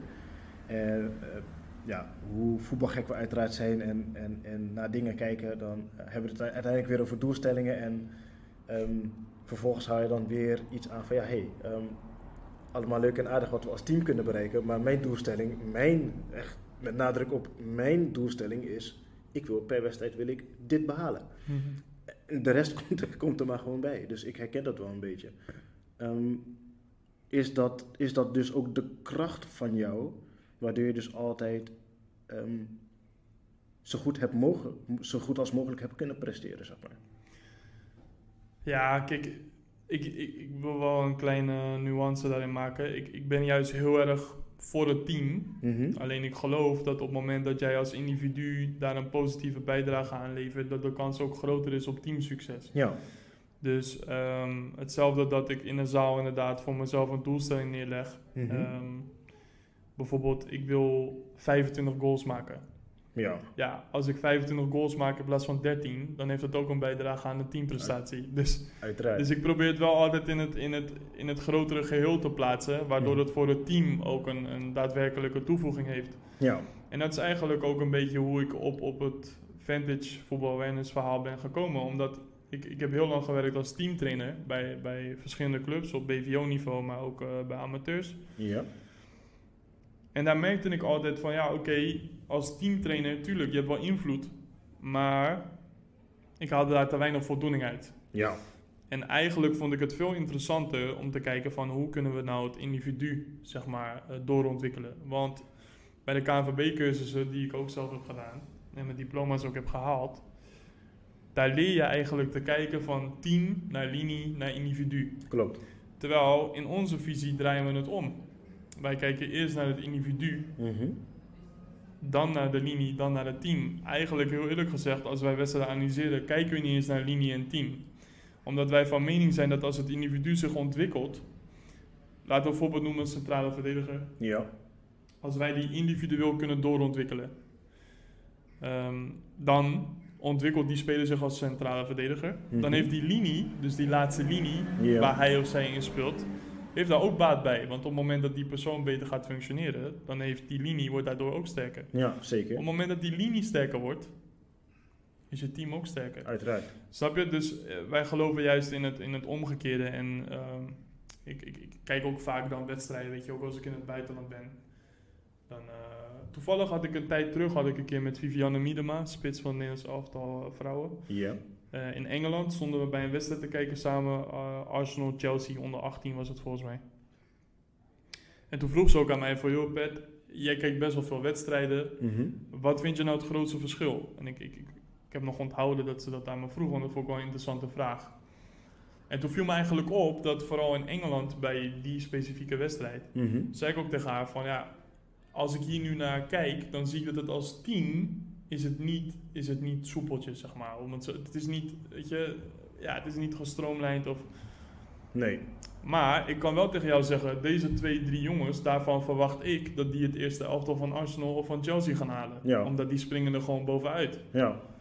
Ik zeg waar we in Nederland, in mijn optiek, veel meer kijken naar de teamontwikkeling. Ja. Als ik bijvoorbeeld naar een Ajax onder 19 of een Feyenoord onder 19 kijk, en dan heb ik het over afgelopen seizoen, dan zie ik dat, dat er nog te veel bezig wordt eh, gehouden met het ontwikkelen als team. Terwijl we allemaal weten dat het bijna een utopie is om te denken eh, dat het hele team in zijn geheel binnen een paar jaar in de Kuip of in de Johan Cruijff Arena speelt. Ja. Je, je weet al eigenlijk dat dat niet gaat gebeuren. Nee. Dus waarom zou je je dan niet concentreren op die drie, vier individuen waarvan je denkt van ja, die kunnen het wel eens gaan halen. Ja. En hoe lullig dat ook voor de rest is, dat is betaald voetbal. Je weet dat niet iedereen het gaat redden. Mhm. En het wil niet zeggen met niet redden dat dat niet per se eh Feyenoord of Ajax is. Maar dat kan ook bijvoorbeeld een club als RKC zijn. Ja, Er zijn genoeg jongens die het eerste auto van Feyenoord, Ajax of PSV niet halen. Maar wel kunnen doorstromen bij een andere club binnen betaald Ja. voetbal. Maar dan heeft het altijd met het individu te maken. Mhm. Dus ja, daar geloven we gewoon heel erg in. Dat je, dat je individueel jezelf moet doorontwikkelen, zodat het ook een bijdrage heeft op, op het team. Ja. Eh, dus ja, dat, dat is ook wat wij eh, intern bij Vantage zeg maar, heel erg belangrijk vinden. Ja. Alles vanuit het individu. Ja. Er zit, zit daar een bepaalde emotionele waarde ook aan vast, zeg maar. Dus dat ze los van eh, op het gebied van het kijkgedrag, wat jullie voornamelijk zeg maar, op trainen. Ik vind dat echt, dat kijkgedrag, jongen, dat zo verschrikkelijk wordt. Ik zag je al glimlachen, waarom, inderdaad. waarom doe je dit? oh man, ik, ik, maar goed, maak je verhaal af. Ik luister. Ja, nee, kijkgedrag, ja. Weet je, geef het een naam. Eh, ja, ik, weet je wat het is? Ik, ik, ik merk ook heel veel, en, en daar, heb ik, daar heb ik persoonlijk dan wat moeite mee, Ja.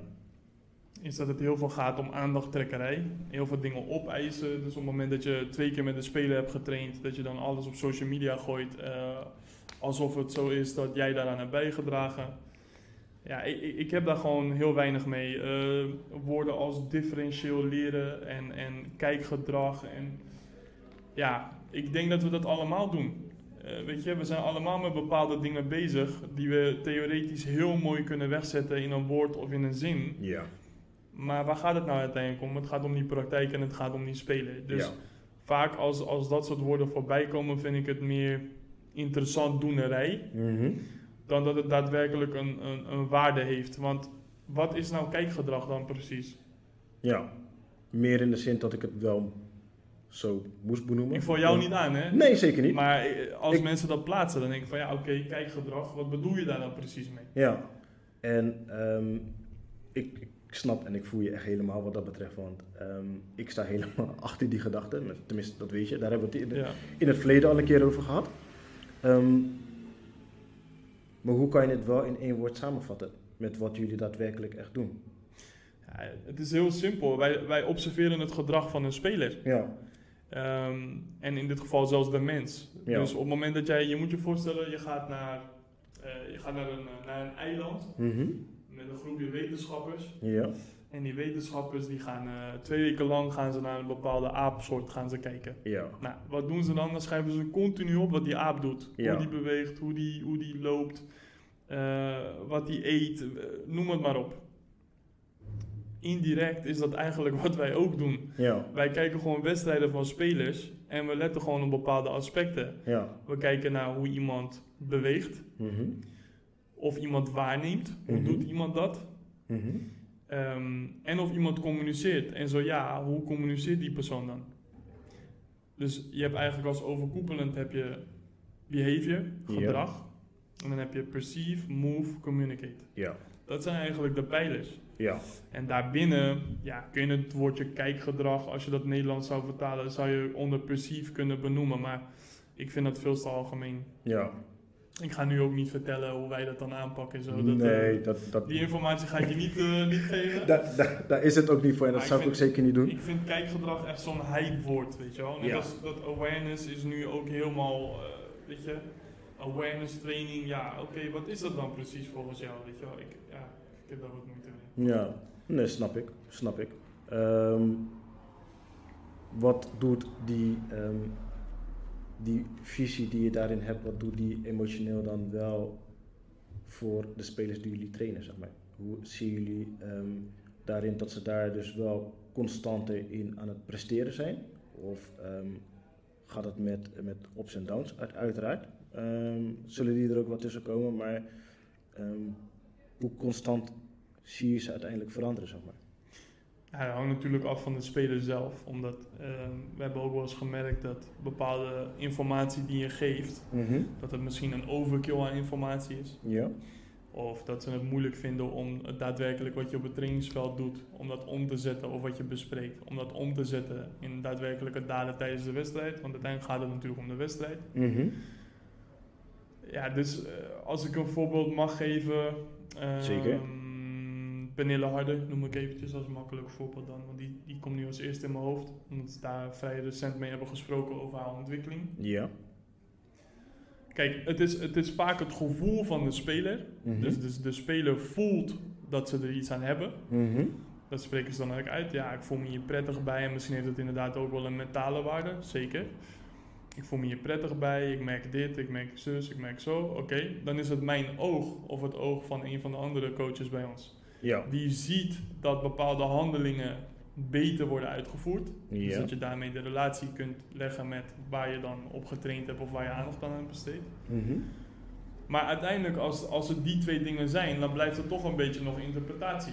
Van ja, oké, eh, weet je, voor een buitenstaander, kan zeggen van ja, oké, zij voelt dat, hartstikke leuk voor haar. Mhm.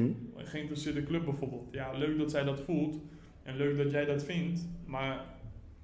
En daarom is die data nu essentieel, omdat met die data kun je daadwerkelijk inzichtelijk maken Ja. hoe zij daarvoor scoorde, dus voor de samenwerking. Daar hebben we een aantal wedstrijden van in beeld gebracht Ja.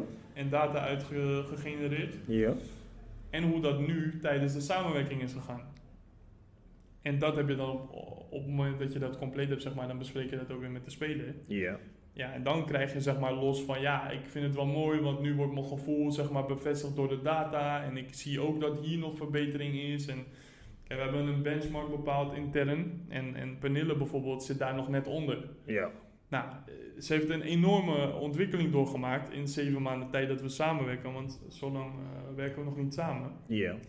Maar ja, zij is wel een van de allerbeste speelsters ter wereld. Ze is ook al uitgeroepen tot beste speelster van Europa. Ze wordt genomineerd voor de Ballon d'Or. Dus het is al een wereldtopper. Ja, precies. Maar ja, zij wil nog beter worden. Ze is 27 en ze zegt, jij gaat me daarbij helpen. Ja. Hartstikke goed, let's go.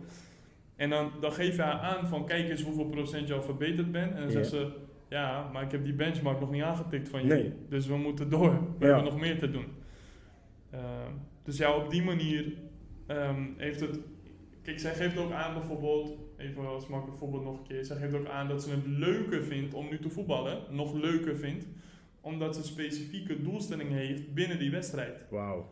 En dat zij zegt van ja, normaal gesproken maak ik mijn keuzes eh, ook misschien op het grotere geheel. Ja. Klein voorbeeld wat ze geeft.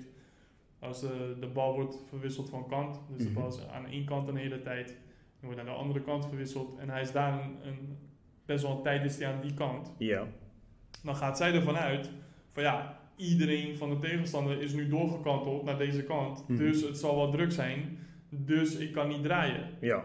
Dus ik kan niet naar voren spelen, ik moet terug. En we moeten die andere kant weer opzoeken om ruimte daar te creëren. Ja. Beetje een eh, inhoudelijk verhaal, maar ik denk dat... Geeft niet. ja. Maar wat, wat zij nu dus zegt, is dat ze zegt van ja, maar misschien kan ik wel draaien. Maar nu weet ik het niet, omdat ik doe, ik doe te weinig, zeg maar, in, Mhm. in, mijn, in mijn houding of in mijn, hoe jij dan zo mooi zegt, kijkgedrag.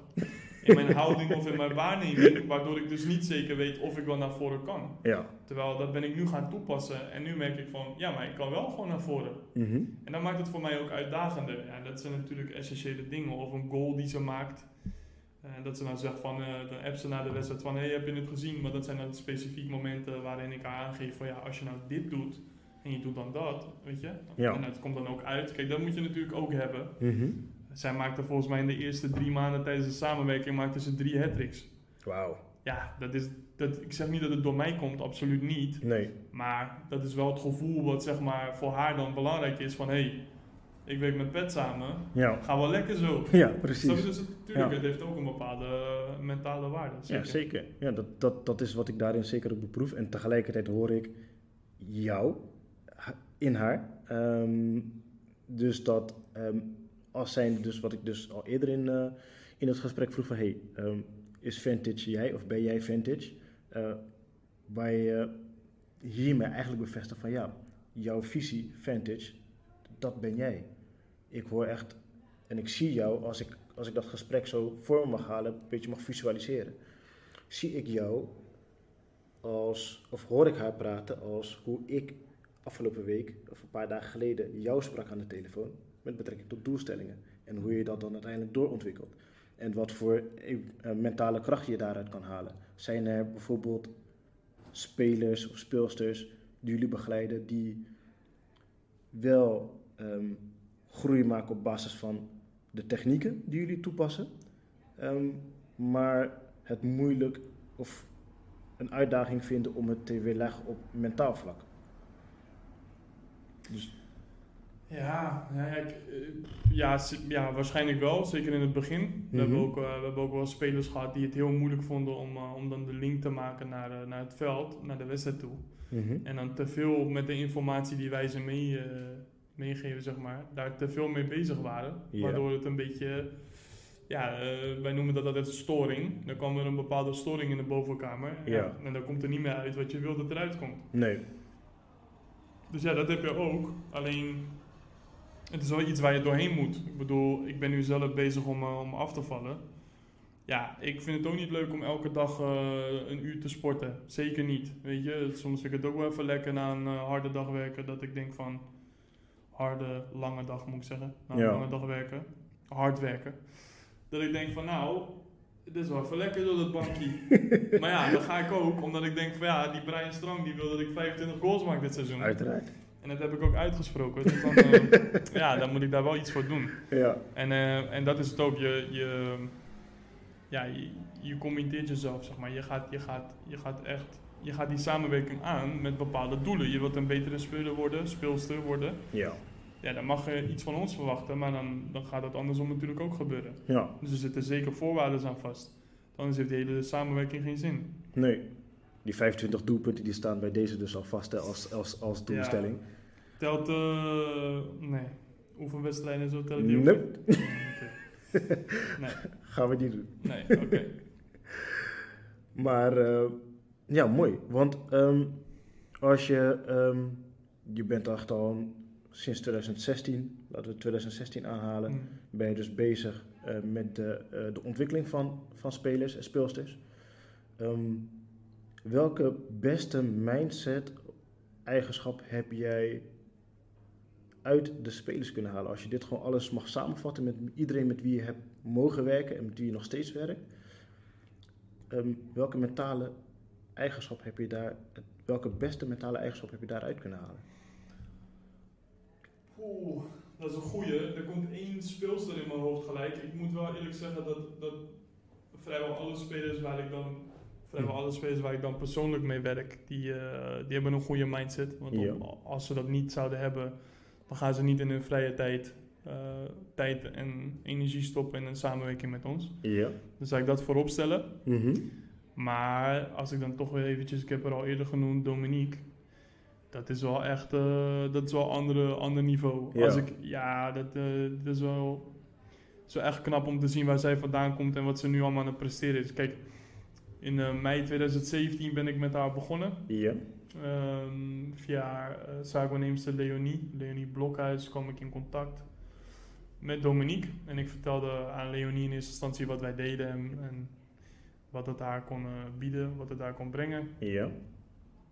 En toen gaf ze wel gelijk aan van ja, Dominique Jansen, dit is, dit is Dominique Jansen verhaal. Ja. Ik ga je in contact brengen, ik ga haar eerst vertellen hoe en wat. En nou ja, binnen een korte tijd eh, hebben we toen in Limburg hebben we getraind, want daar komt ze oorspronkelijk vandaan, zoals ik al eerder zei. Ja. En eigenlijk vanaf het begin zei ze al tegen mij, want toen, toen zat ze nog regelmatig op de tribune of Mhm. op de bank bij Arsenal. Oké. Ze was nog vrij jong, dus we praten over drie, ja, drie jaar geleden, ik denk 22, 22 jaar, 21 misschien wel. Het Nederlands elftal zat ze wel bij, maar ook niet altijd spelen. Nee.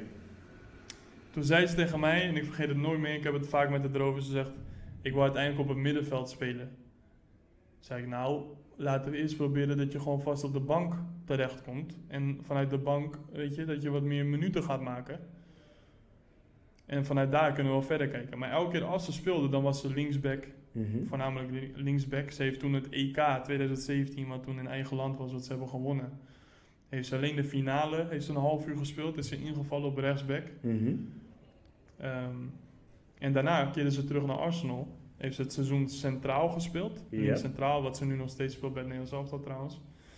En het jaar daarna eh, kwam er een andere coach. En waar denk je dat hij haar heeft neergezet? Op middenveld. Wauw. Dus kijk, wat zij daar allemaal voor doet. Ik weet dat ze heel erg met haar voeding bezig is. Zij is ook, eh, ze doet ook met Herbalife, eh, doet ze in haar, in haar vrije tijd, zeg maar, doet ze dat erbij, mensen coachen. Mhm. Maar haar hele mindset is, is en eh, dat heeft Pernille bijvoorbeeld ook. Nogmaals, die andere jongens wil ik echt niet tekort doen, maar ik vind het even makkelijk om, om hun te, te gebruiken als voorbeeld. Omdat ik het toevallig recent met ze erover heb gehad. De Michael Jordan documentaire. Ja. Het boek van Tim Grover, Relentless. Mhm. Dat lezen zij allemaal. Eh, dus, kijk, ik heb ook tegen hun gezegd, tegen Pernille en Do, ik heb gezegd, luister, zeker Pernille, ik zeg, jij bent de allerbeste speelster die daar rondloopt. Jij moet niet tevreden zijn met een, met een 6-1 als het ook 8-0 kan zijn. Ja. Als jij een bepaalde bal eist, dan moet die gewoon goed zijn. Ja. Zeker de simpele passes. En zeker als je ziet dat het vanuit een nonchalance of een gemakzucht, omdat je toch al 5-0 voor staat, dat die niet goed zijn. Dus daar moet jij bovenop zitten. Ik zeg, want als jij daar makkelijk in gaat worden, de rest kijkt naar jou. Dus hetzelfde dat Robben straks loopt de lanterfanten en aan het bier zit, wat er absoluut niet gaat gebeuren, maar dat hij dat die, dat die maar wat doet, ja, dan eh, denk ik best wel ja, wat wat is dit nou weer voor speeltuin? Ja. Die verwacht dat niet. Nee. Dus hij heeft, hij heeft een bepaalde status waar mensen tegenop kijken. En dan is het aan die persoon om daar goed mee om te gaan. Ja. Bij Robert twijfel ik daar geen seconde over. Het is gewoon op het top prof. Als je hem nu ziet trainen in die filmpjes ook, is echt indrukwekkend. Ja, bizar. Ja, Ja. maar dat, weet je, bij Penel heb je dat ook gezegd. Ik zeg, kijk, nu is het nog, met alle respect voor de clubs, is het eh Zand, eh, Essen, eh, Duisburg. Ja. Ik zeg, maar jij gaat straks weer Champions League spelen. Ik zeg, dan kom je tegen Olympique Lyon straks weer terecht. Ja. Of ja, kom je daar weer terecht, weet je, om tegen Lyon te spelen. Dus dan moeten dit soort dingen nu al goed zijn. Ja, dat is wel iets en dat vind ik wel tof. Dus buiten dat we op vantage gebied zeg maar samenwerken, probeer ik dit vanuit eigen ervaring ook aan haar mee te geven. En ehm, dat ze dan ook zegt van ja, dan zie ik er ook in een wedstrijd, dan wordt er een foute bal gespeeld en dan zie ik er ook echt in de handen klappen van hé, hey, weet je. Ja. Want zij zegt ook van ja, ik ga me nu irriteren als ik aangeef dat ik hem op mijn linkerbeen wil hebben. Mhm. Dat is dan een onderdeel van waar we op letten. Ik wil hem op mijn linkerbeen hebben, maar ze spelen hem rechts achter me en het Mhm. hele moment is weg. Ja. Wauw. Ik zeg, ja, wat doe je dan? Ja, Ja, aanspreken. Ja. Precies. Maar ja, op het moment dat jij niks aangeeft en die speler die de bal gaat spelen maakt de keuze voor jou Mhm. en jij denkt, ja, die had ik liever op mijn linker willen hebben, dan kan je dat niet gaan eisen bij die speelster, want jij hebt dat niet duidelijk gemaakt. ja, Snap je wat ik bedoel? ja, ja, Dus als ik bijvoorbeeld tegen jou zeg van, joh, kun je voor mij eh, eh, bruin brood voor me halen? En jij zegt, ja, is goed, eh, Pet, ga ik voor je doen. En vervolgens doe je dat niet, dan spreek ik jou erop aan. Je zult op bruin brood voor me halen. ja, Dat is weer een beetje stom voor Ja, nee. maar als ik het jou niet heb gevraagd, mag Ja. ik er niet van uitgaan dat jij bruin brood voor me gaat kopen. nee, precies. Dus Ja, dan kan ik je niet aanspreken. Nou, dus dat, dat heeft wel met mindset te maken. ja zeker. Wauw. Ehm, merk je dat dus ook dat dat echt al bij hun constant is? Want je geeft eh, eerder aan, voor bij Penille, van hey, zij heeft die benchmark nog niet gehaald, terwijl zij wel al eh, een van de topspeelsters is van de wereld. Ehm, zie je dan wel echt al een constante mindset niveau, ondanks dat ze die benchmark voor jullie niet heeft gehaald? Ja, nee, zeker. Kijk, eh, weet je wat het is? Eh, we brengen heel veel spelers brengen we in kaart. Ja, Dus we kunnen niet ontkennen dat Xavi Hernandez een van de allerbeste middenvelders is geweest die, die, die heeft gespeeld. ja, Weet je, en als je dat nu wel doet, dan loop ik nu gelijk weg. nee, maar la- laten we daar eerlijk over zijn. Dus, Ja. Maar als ik dan Xavi analyseer... ja. Zidane Dan- trouwens. Sorry? Ik zei Zidane trouwens. Maar, nee, ja, maar. nee, maar als ik dan, Xa- als ik dan ja. Ja. ook fantastisch.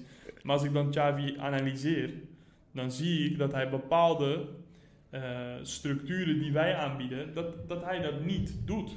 Ja, Maar dat maakt hem geen slechte speler.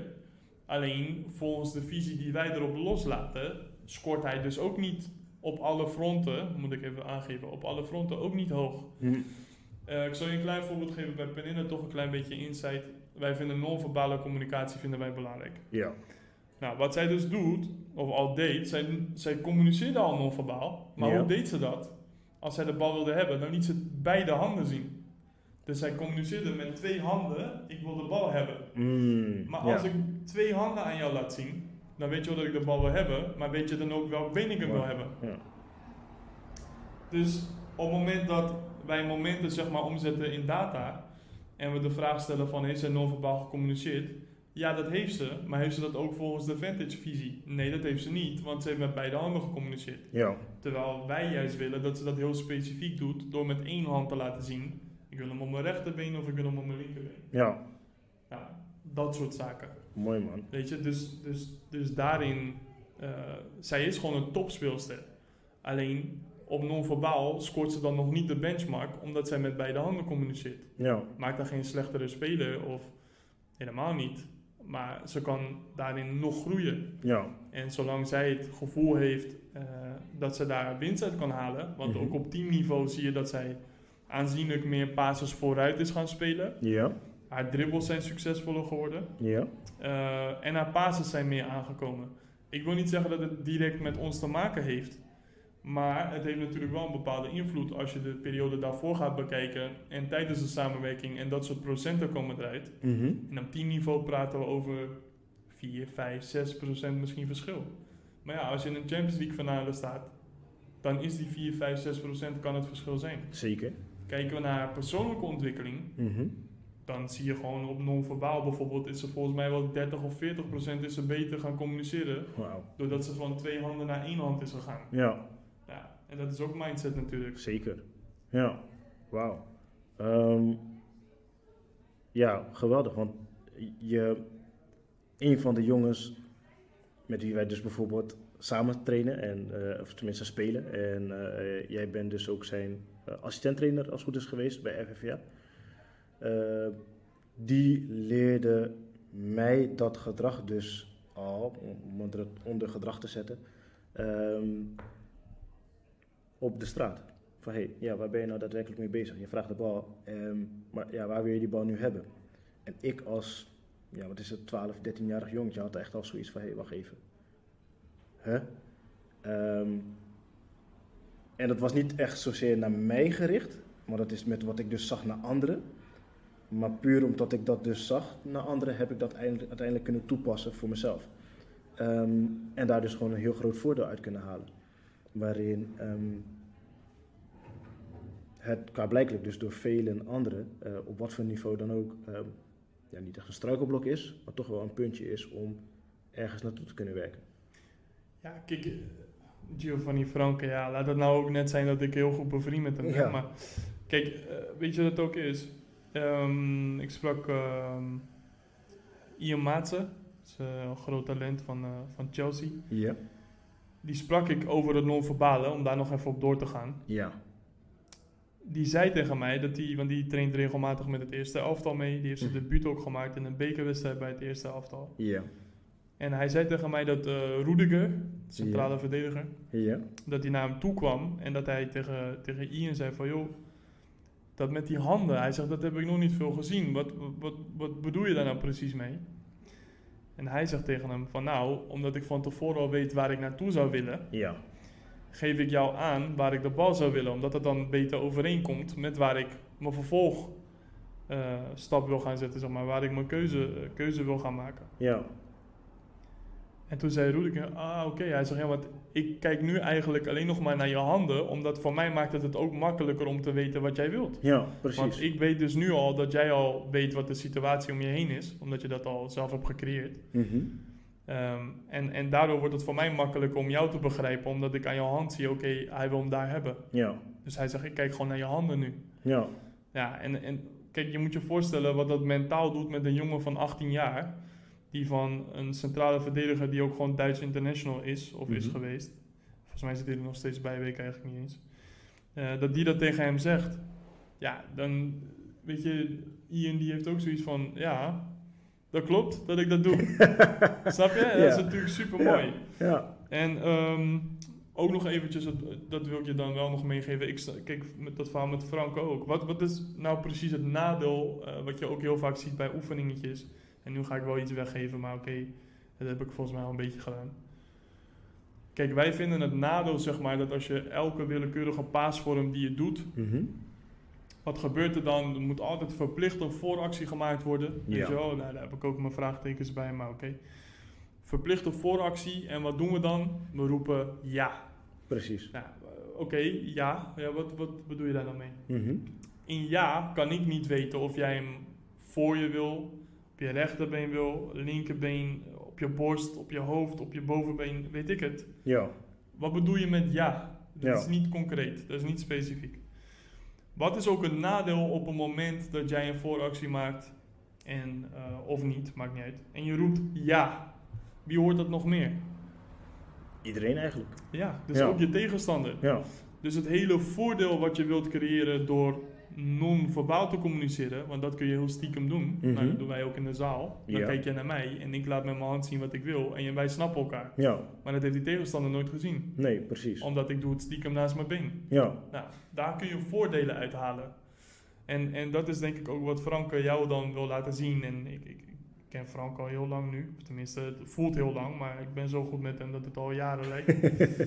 Ja. Vier, vijf jaar. We hebben hem bij eh voetbalschool van Tony, Tony Pengel toen ontmoet. En een hele goede band, nog steeds.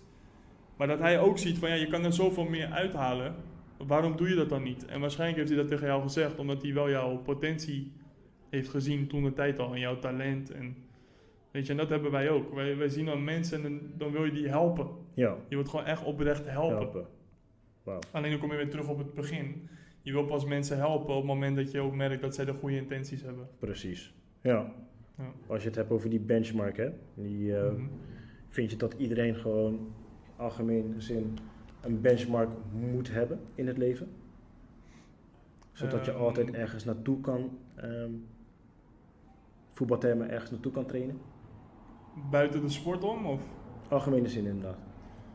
Nee, ik denk wel dat je doelen moet hebben in het leven, anders eh, wordt het best saai. Ja. En eh, best deprimerend, denk ik. Ik, ik, ik, ben, ik ben echt oprecht, oprecht heel erg blij Ja.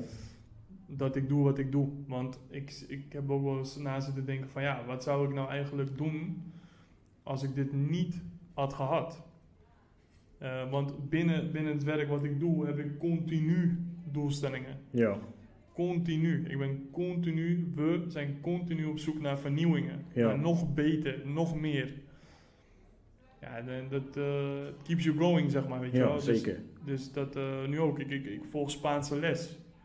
Omdat, ook omdat ik wil goed wil communiceren met, de, met die jongens met wie ik werk. Uiteraard. Ja. Uh, maar ik vind het ook gewoon leuk om nieuwe dingen te leren. Ja. En dat is wel een beetje hoe ik ben als persoon. Maar ja, je kan het niet van iedereen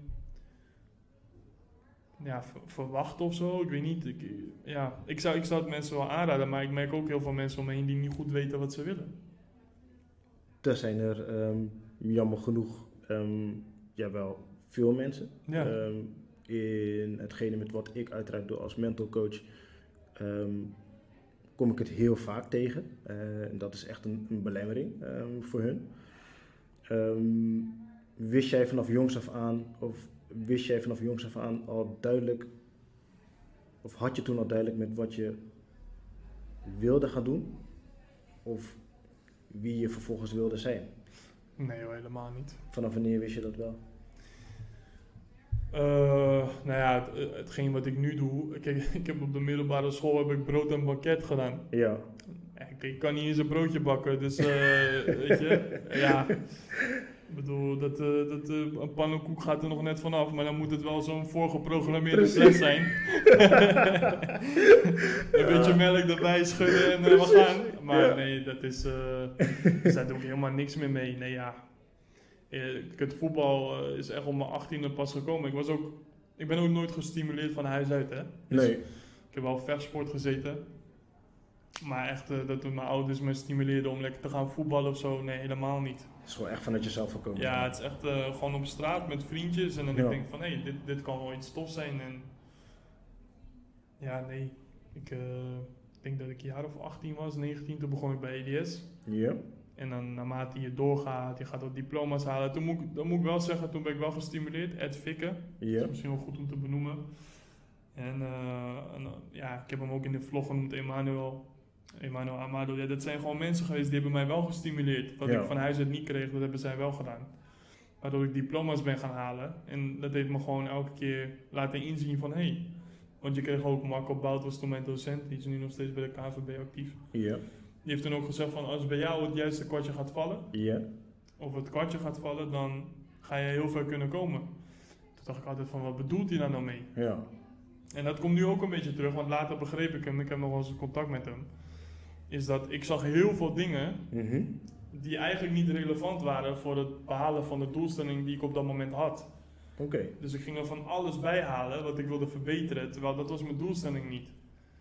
En nu specificeer je, dat doen, doen we nu helemaal, je specificeert helemaal tot in detail op een bepaald moment Ja. in een wedstrijd Ja. die helemaal uit elkaar gaat trekken en gaan ontleden. Mhm. Van dit willen we verbeteren en wat is daar allemaal voor nodig. Ja.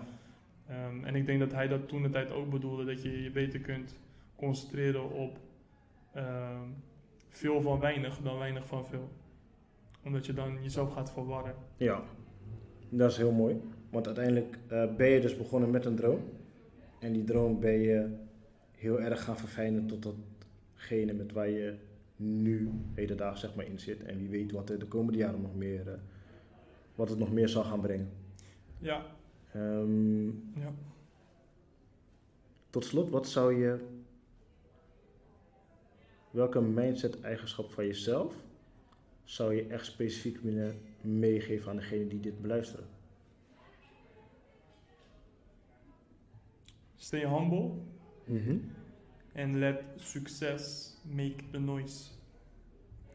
Wauw, die is nice. Ik krijg er, eh, ja, ja, ja, die is echt heel mooi. Ehm, thanks Patrick. Graag gedaan man. Ik, ik zie hier nog wel een kaartje voor me liggen. Is dat nu zover? Of, eh? Ja, we gaan ehm, langzaam gaan naar de kaartjes. We, ehm, Je was ze vergeten of niet? nee helemaal Eerlijk? niet. Ik zat er gewoon helemaal Nee, in. gewoon eerlijk. Nee, ik was het niet vergeten. Nee, uiteraard niet. Want ik heb ehm, één vraag die ik er, eh, eh, zoals ik eh, via social zeg maar had, eh, had gepost, Mhm, is dat mensen een vraag mochten stellen. mhm. En één vraag die haal ik er dan uit, gevuld met de twee openhartige vragen. Oké. Eén vraag ehm, van een dame die zei, die vroeg hoe zorg je ervoor dat iemand zich gehoord voelt bij jou? Hoe zorg je ervoor dat iemand zich gehoord voelt bij mij? Ja. door de tijd te nemen. Tijd nemen en goed luisteren. Ja, ja, om de tijd die je aan iemand besteedt, Mhm. dat, je, dat iemand voelt dat hij ook oprecht eh, gehoord wordt, doordat er niet iets. ehm, Kijk, wat, wat ik vaak irritant vind is, ik ken nu ook, we zitten gewoon uitgebreid te praten. Ja. En ik heb niet het gevoel dat we richting een tijdsdruk of limiet zitten. Dus we praten gewoon en dat. Ja. Dus je moet mensen het gevoel geven dat ze ertoe doen. Ja. En dat betekent dat je tijd voor ze moet nemen. En dat je moet luisteren naar wat ze zeggen. Mhm. En wat ik vaak, en eh, dat probeer ik echt in me, in, me, in me op te nemen. Kijk, nu ook zo'n gesprek. Dit gaat alleen maar over mij, over mij, over mij, over mij. En ik vind dat best wel lastig. Ehm, klinkt misschien niet zo, want ik, Totaal niet, nee. Nee, ja, nee. ik zit er Ik- gewoon ik met grote ogen te kijken van wow. Ja, dat Ja. is ook Patrick. Ja. Ja. Nee, klopt. Maar als ik zeg maar met de speler ben, dan vind, vind ik het veel interessanter om te weten hoe het met die speler gaat. Ja. In plaats van hoe het met mij gaat. Want ook vaak als ik de vraag heb, hoe gaat het met je? Ja goed, maar hoe is het met jou? En dan ga ik daar gelijk al op door. Want ik vind mezelf cijfer ik dan weg. Ja. En misschien is dat wel iets wat, eh, wat mensen het gevoel geeft dat zij ertoe doen. En dat ze daardoor zich ook comfortabel voelen bij jou. Ja. Eh, en daardoor ook zelfs andere dingen bespreken. Ik bedoel, genoeg van de spelers. Ik ga niet over transfers. Nee. Ik ben geen zaakwaarnemer. Nee. Maar als er eh, bepaald advies moet worden gegeven over... hé, hey, er heeft zich een club gemeld. En dan kunnen ze ook bij mij terecht. Niet omdat ik dat tegen ze zeg. Mhm. Maar omdat ze voelen van ik wil het daar mijn petje over hebben. Ja. Nou, prima. Maar dat betekent dus dat, dat je ze het gevoel hebt gegeven dat ze ertoe doen. Ja. En dat dat belangrijk is. Dat je mensen het gevoel geeft van ik ben er voor je, ik luister naar je, ik neem mijn tijd voor je. Mhm. En niet dat je in een eh, ja nee ik moet zo gaan en ja dan, eh, Echt die thuisdruk, zeg maar, ja. ja, want dan Ja. ga je op een gegeven moment als je dat voelt bij iemand, dan denk je ook van ja die heeft toch nooit tijd voor mij, dan ga je het ook niet meer vertellen. Nee, precies. Ja. Dus dat neem de tijd voor mensen. ja. Ik vind het wel fijn dat je daarmee bevestigt dat je je gehoord voelt door mij. Zeker. Nou ja, ik, ik zeg, ja, ja, maar ik zeg ook. ik- Nee. Kijk, we hebben samen. Nee, nee, we hebben samen Ja. hebben we natuurlijk in, de- in de zaal, heb ik had dat tegen je gezegd.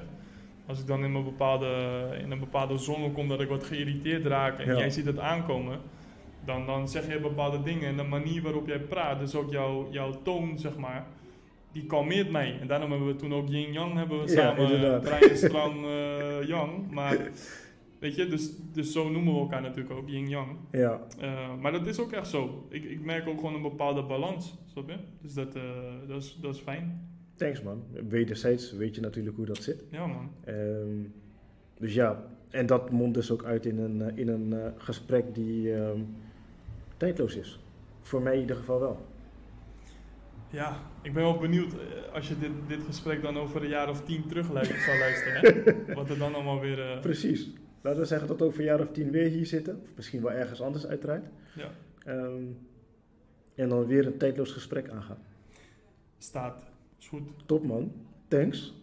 Ehm, zoals vorige week, eh, twee openhartige vragen. Eén openhartige vraag, go for it. Ehm, en één andere openhartige vraag, de paarse kaart die jij hebt getrokken, dat is de... Ik hem even weer bijpakken. Zingeving. Ja, ontdek je diepste drijfveren. Ehm, die wilde jij zelf pakken en ik eh, mocht de gele kaart pakken voor jou. Eh, waar wil je mee beginnen? Want je staat echt te popelen om die Ja, van jou... man. Ik, ik Kom maar, net- kom maar. Het, het is net alsof je aan een kaarten bent en dat je stiekem gaat kijken welke kaart je hebt. dus dat was gewoon een beetje aan het doen. Denk jij dat gebeurtenissen in je leven om een bepaalde reden plaatsvinden?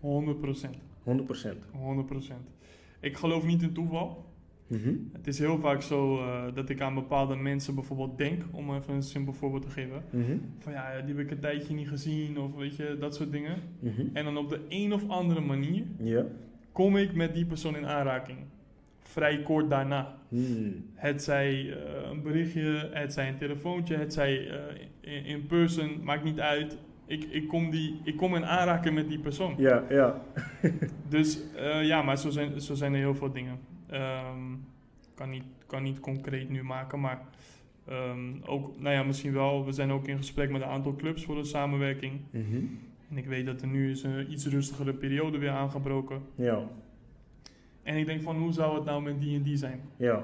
En twee uur later krijg ik een berichtje van wanneer kunnen we volgende week afspreken. Oh, wauw. Weet je, dus dat Ja. soort dingen, dan denk Ja. ik van, hm, En dat, dat is best wel vaak. Ja. Dat, eh, Is het ook eh, juist omdat je dus al mentaal ehm, constant in die richting denkt, niet specifiek op die club of op die persoon, maar constant in die richting denkt, dat je dat gewoon op een gegeven moment ook echt naar je toe trekt? nou, het is heel simpel gezegd, het is eigenlijk gewoon mijn to-do-list. Ja. En, eh, en dan zie ik gewoon op een blaadje zie ik van, oké, dit staat nog open, dit loopt nog. En dan, dan lees ik dat gewoon voor mezelf na. Ja, Eh, en daar heeft het mee te, mee- mee te maken. Ik denk niet dat ik het. eh, ik snap wel een klein beetje wat je bedoelt. Ik heb dat, ik heb dat voorheen wel eens gehad. Met, uh, gingen we bij Sparta, eh, was ik assistent trainer bij Peter, Peter Mhm. van der Veen. En dan gingen we na afloop gingen we latje trappen. ja, En Peter en ik, en eh, die jongens, ik heb nog steeds contact met sommige jongens, maar ze kunnen het beamen. Peter en ik waren altijd, als een van de eerste waren we klaar. En, en wat, wat gebeurt er? Je concentreert je niet zozeer op de trap, je Ja. concentreert je op hetgeen wat je moet raken. ja, Dus wij gingen al helemaal visualiseren. En Peter zei dat ook al altijd tegen die gasten, want die gingen dan heel wild lopen schieten en zo. En dan werd het steeds geïrriteerder natuurlijk. ja, En die- hij zei alleen maar, visualiseren boys, visualiseren. Weet je, en dan werden ze nog gekker. Ja, dat, dat, dat, dat, dat werkt ook gewoon. Ja. Want jij ziet hem in je hoofd, Ja. zie je hem al op die lat, zo klets, weet je. En ja, op de een of andere manier word je daar rustig van. ja, Ehm, ik ben ook nu oprecht aan het nadenken over, eh, over mindfulness. dus over, eh, over mediteren. ja, Daar heb ik nog helemaal, eh, ja, nog, nog helemaal niks mee gedaan. nee? Ik heb het een keer geprobeerd, maar toen na 30 seconden dacht ik van... What the fuck zit ik hier te doen? Ja, dat was dan wel een groep, dus dat moet ik er wel bij zeggen. Bij mij dingen in groepsverband, dat werkt niet. Mensen die mij kennen, die weten dat. Ik ben zo snel afgeleid. Ik zie alles en iedereen om me heen bewegen. Ik wil praatjes maken met mensen, dat werkt niet. Maar als ik alleen ben, dan eh, kan ik me wel goed focussen. ja, Ehm, ja, daar probeer ik ook wel dingen zeg maar, te visualiseren. Als ik dan een gesprek heb of hoe zou dat eruit zien. En dat Mhm. ik hier ook van, oké, eh, wat voor setting zou het zijn. En, ja. ja. Ja, ja dat, dat, ehm, die uitstraling had je. En ehm, ja, kwam hier binnen. En, nou, gewoon een normaal babbeltje. En het gevoel dat je op een gegeven moment had van... hé, hey, oh ja, we gaan eh, een gesprek in. Eh, daarom vroeg je op een gegeven moment, ja, wordt dit nu opgenomen? Terwijl dat nog niet zo was, zag ik echt een boom, die blik. En je zat in je focus. Dus je had dit eigenlijk al gevisualiseerd voor jezelf. Je was dit al aan het bestuderen en je eigen aan het maken. Zeg maar. Dat is wel heel mooi hoe je dat zo, eh, hoe je dat zo vertaalt. Ja, Ja, thanks. Ja, dat, kijk, dit soort dingen vind ik dan arrogant overkomen als ik dat zeg. Maar dat heeft ook te maken met eh, meerdere interviews die ik heb gedaan. Dus Ja. op een gegeven moment weet ik van oké, nu gaan we starten. ja, Dus snap je? Ja, maar. Ik, ik, ik ben niet, dan moet ik eerlijk zeggen, ik ga hem terugluisteren, dus ik ben benieuwd wat voor onzin ik allemaal bij uitlopen kramen. Maar ik, ik, ik, ben, ik, ik, ik zit echt op mijn gemak. Ik Ja. heb niet, ik heb niet ehm, bewust bepaalde dingen niet gedaan of eh, juist wel of nee. Ik ben gewoon gaan praten. En, Ja. eh, dus nee, dat- ja, tof dat je dat zegt en dat Mooi, je dat man. opviel. mooi. Ik eh, ga voor de gele. De go for it. Yes, niet stiekem zelf verzinnen, ik wil wel zien wat erop staat ook. Komt helemaal goed. Oké. Wat doe jij om een lang, gelukkig en gezond leven te leiden? Die verzin ik echt niet. Ja, lang ben ik al. Daar heb ik niet zoveel moeite voor te Nee. doen. Eh, lang, wacht, mag ik hem... eh, nee, leg maar neer. Dus, ja, ga ik hem even rustig naar kijken. Wat doe je om een lang, gelukkig en gezond leven te leiden? Nou, eh, sinds een paar weken ben ik, zoals je weet, gaan sporten. Ja.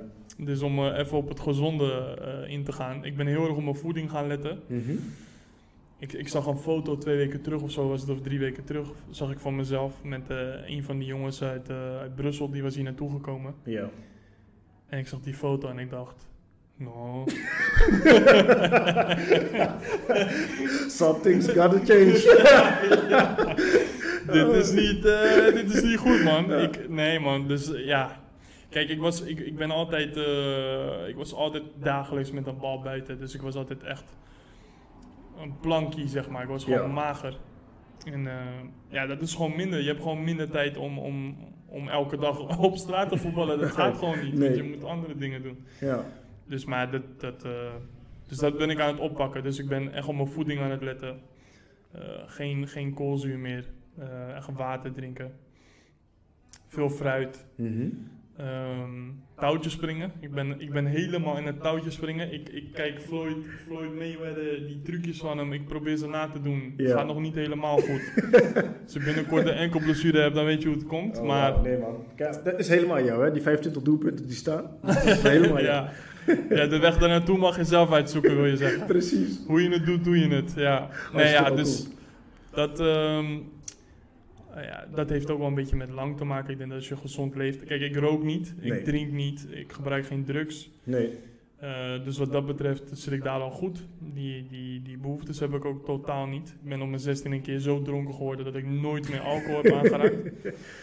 Ehm, en gelukkig, ja, die, dat, is, dat, is wel, dat is natuurlijk wel een proces. Want wat is nou daadwerkelijk geluk? En hoe word je gelukkig? En hoe ben je gelukkig? Wanneer ben je dat? Ja.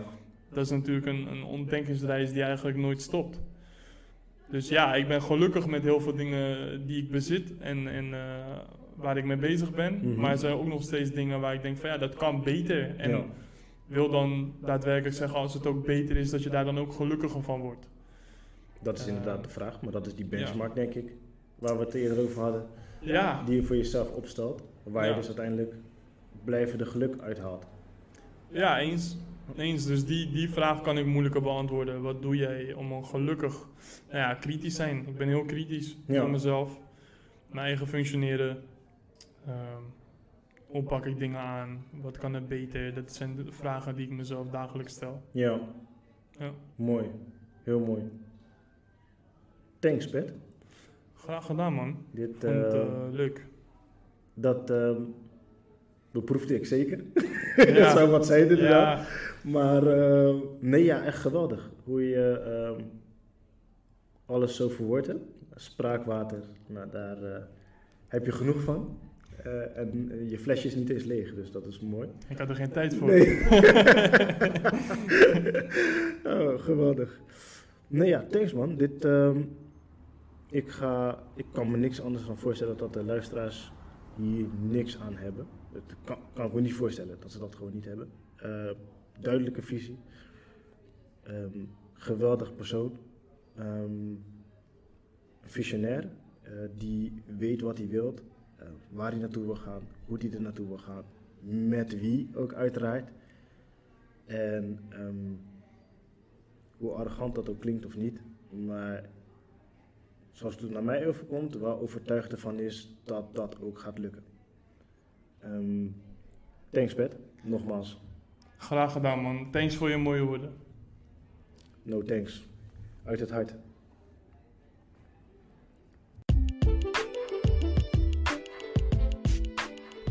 Super dank voor het beluisteren van deze aflevering van Clean Talk. Ik hoop dat deze podcast jou vanuit herkenning heeft gemotiveerd en geïnspireerd om het vervolgens toe te kunnen passen op jezelf. Ik zeg altijd: conversaties zorgen voor verandering.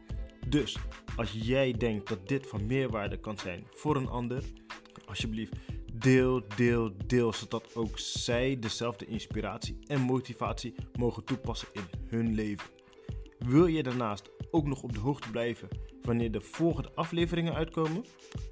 Klik dan op de volgknop of volg mij via social media en blijf up to date. Nogmaals dank ik jou voor het beluisteren en ik zie je bij de volgende Clean Talk.